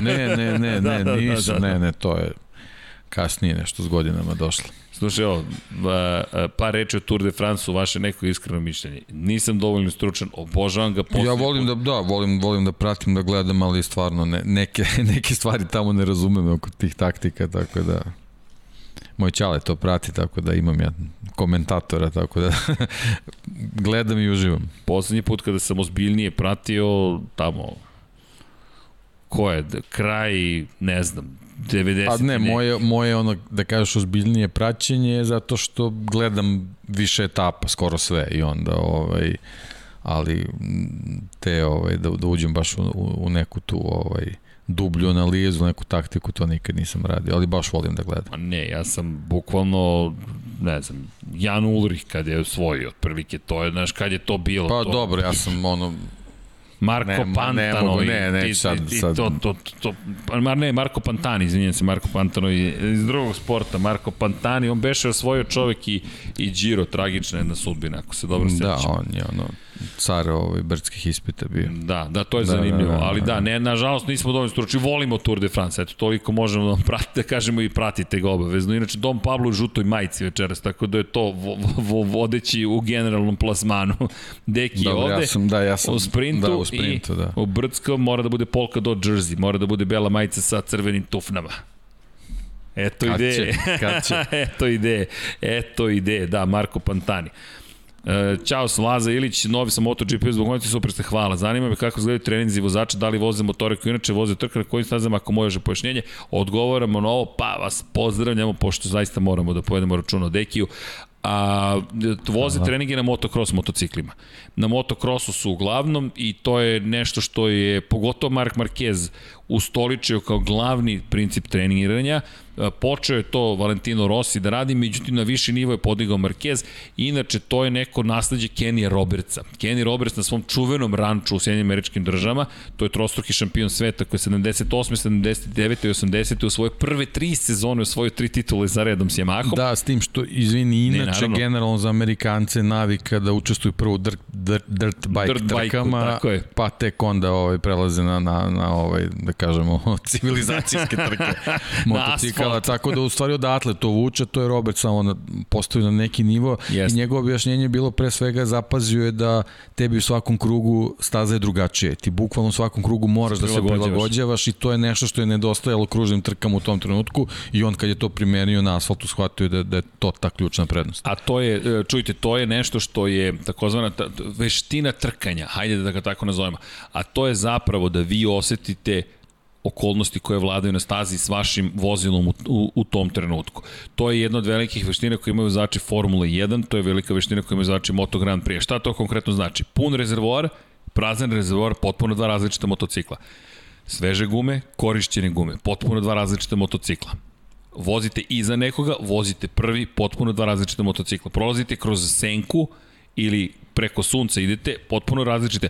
Kada se pojavi oblak, to mi otprilike ignorišemo manje više, ali kada oblak se pojavi, menja tačku kočenja bukvalno menja ponašanje motora u toj krivini, jer oblak je došao, spustio temperaturu za 3-4 stepena, te gume se drugačije ponašaju, vi ste na dva različita asfalta. Još, ukoliko ste dobili stazu na kojoj je samo deo presvučen novim asfaltom, potpuno različito prijanje do te tačke i od te tačke, a iste su gume koje koristite. Pri čemu, ovo što smo rekli, staze, krivine u levo, krivine u desno. Vi trošite ovo u desno, pa onda manje trošite ovo Mala u levo. Mala nadmorska visina. Mala nadmorska visina, da. tako je. Da 760 metara kao u Alpima, motor se drugačije ponaša. Pa onda kontrola proklizavanja. Zašto je Marquez pao? To nismo ni spomenuli u Holandiji nisu dobro podesili kontrolu proklizavanja, pa su slali podatke u Japan preko noći da im jave inženjeri šta treba da podesi, to su popravili. I rekao, nisam bio u, u toliko agresivan, ali u momentu kada sam pustio gas, trebala je kontrola proklizavanja da uhvati. Međutim, oni su podesili tako motocikl da nije uhvatila i na kraju je on do, zapravo dodao gasa koliko je držao. I samo je bio high side. Lansiranje kao na dvotaktašu da je bio. Tako da, sve to igra ulogu. I sad, šta vam to donosi motocross? Ovo što si rekao, uvijek je drugačije ti da bi tu pobedio, da bi bio najbrži, ti sada već zašto pomaže pomaže koncentraciji jednostavno. Casey Stone, to, to, da. čovjek kažemo rođen da vozi motore. Da, talent, ali ljudi on je od treće godine na mini moped, on je čovjek na mini motoru bio treće godine zašto? Pa živeo je 160 km od prvog grada, najbliži komšija na 3-4 km. Ne idete peške tamo, ne pogotovo kroz australijski outback nema peške, idete na dva točka. I onda je mali Casey vozio, vozio, vozio, vozio, vozio, vozio, vozio, vozio, vozio, vozio, po čemu? Pa, pa nije po asfaltu. I onda kada naučite da kontrolišete gas, najbolja kontrola proklizavanja, sa, pogledajte snimke stonera kako hvata gas, kako pušta gas, šta radi sa tim motorom. U njegova krivina broj 3 u Australiji, evo opet ću da se naježim, svi ti ljudi kako voze, Marko Milandi u Australiji, kakav potpis, op, motor ovako, on prolazi i ćao drugari. I kada smo već kod tog momenta, ćao drugari, Don Pablo kaže, seci, rekao si već da završavamo. Šta da vam kažemo, mazite se i pazite se, vodite računa jedni od drugama, u drugima slušajte Lab 76, gledajte Lab 76, gledajte Moto Grand Prix pre svega i budite dobri jedni prema drugima. Mi ćemo, vidjet ćemo sad kako ćemo se organizovati tokom ove pauze, možda i mi napravimo pauzu, ne znamo, još uvek nismo sve izvećali, doneli odluke, to kod nas ide onako malo i recimo u duhu trenutka, ali bit ćemo svakako tu i pripremat ćemo se za veliku nagradu Štajerske, Umeđu vremenu 928 na 30 30 ukoliko ste u Republici Srbiji, ukoliko ne, podržite nekoga do koga vam je stalo i ispratite šta se događa u okolini i šta ima, šta može lepo da se učini, da se planeta učini boljom. Ako ste u Švajcarskoj, to znamo, Human 928 na 455 možete da pošaljete, ali to je samo delić onoga. Pozdrav Marku Sezmoviću koji je pokrenuo celu akciju. Luku i dalje podržamo, pokušamo da pomognemo na neki način. U narodnom mestu ćemo ići da pokušamo da pomognemo još nekome, tako da eto, prosto mnogo ljudi kojima treba podrška, ali tu smo, zajedno smo ljudska civilizacija, pa da se držimo zajedno.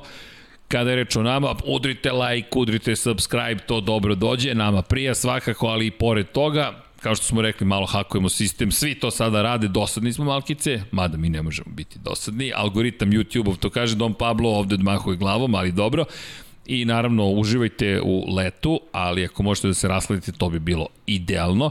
Ukoliko vam se dopadaju naše majice, rado, ih, rado ćemo ih i dalje promovisati, to, je, to jeste nama podrška, ali je i nešto što je nama divno prosto da vidimo, infinitylatcom kroz shop. Inače, kada govorimo o majicama deki, mogli bismo mi da budemo modeli na sajtu kada ljudi vide kako nama stoje dok stojimo majice, pa to će da bude ras, totalna rasprava. Da, ovo nije reprezentativno ovako. totalna rasprodaja. S boka, s leđa, to. Paja, ti i ja, to je bez, volim da bez cele. To, to ti i Paja obožavate. ja, skroman, ne, ne volim oko kamere, ali šta ćeš, šta, posao je takav. Ugovorit ću. u, i, i, u toliko reči. Ljudi, nas ste uživali, mi svakako uvek uživamo. I za nas Dutch TT, velika nagrada Holandije. Maverick Vinjalec bacio je vatru na jednako toplo leto. Nemamo predstavu ko će gde voziti kada se vratimo na stazu. Bićemo mi ta, i dalje, naravno, tu pratiti Infinity Lighthouse. Biće nekih vesti kada je reč o gospodinu Potkonjaku. Promovisat ćemo ga i pojavljivaće se i on u najavama i reklamama. A do tada uživajte i Ćao svima. Ćao.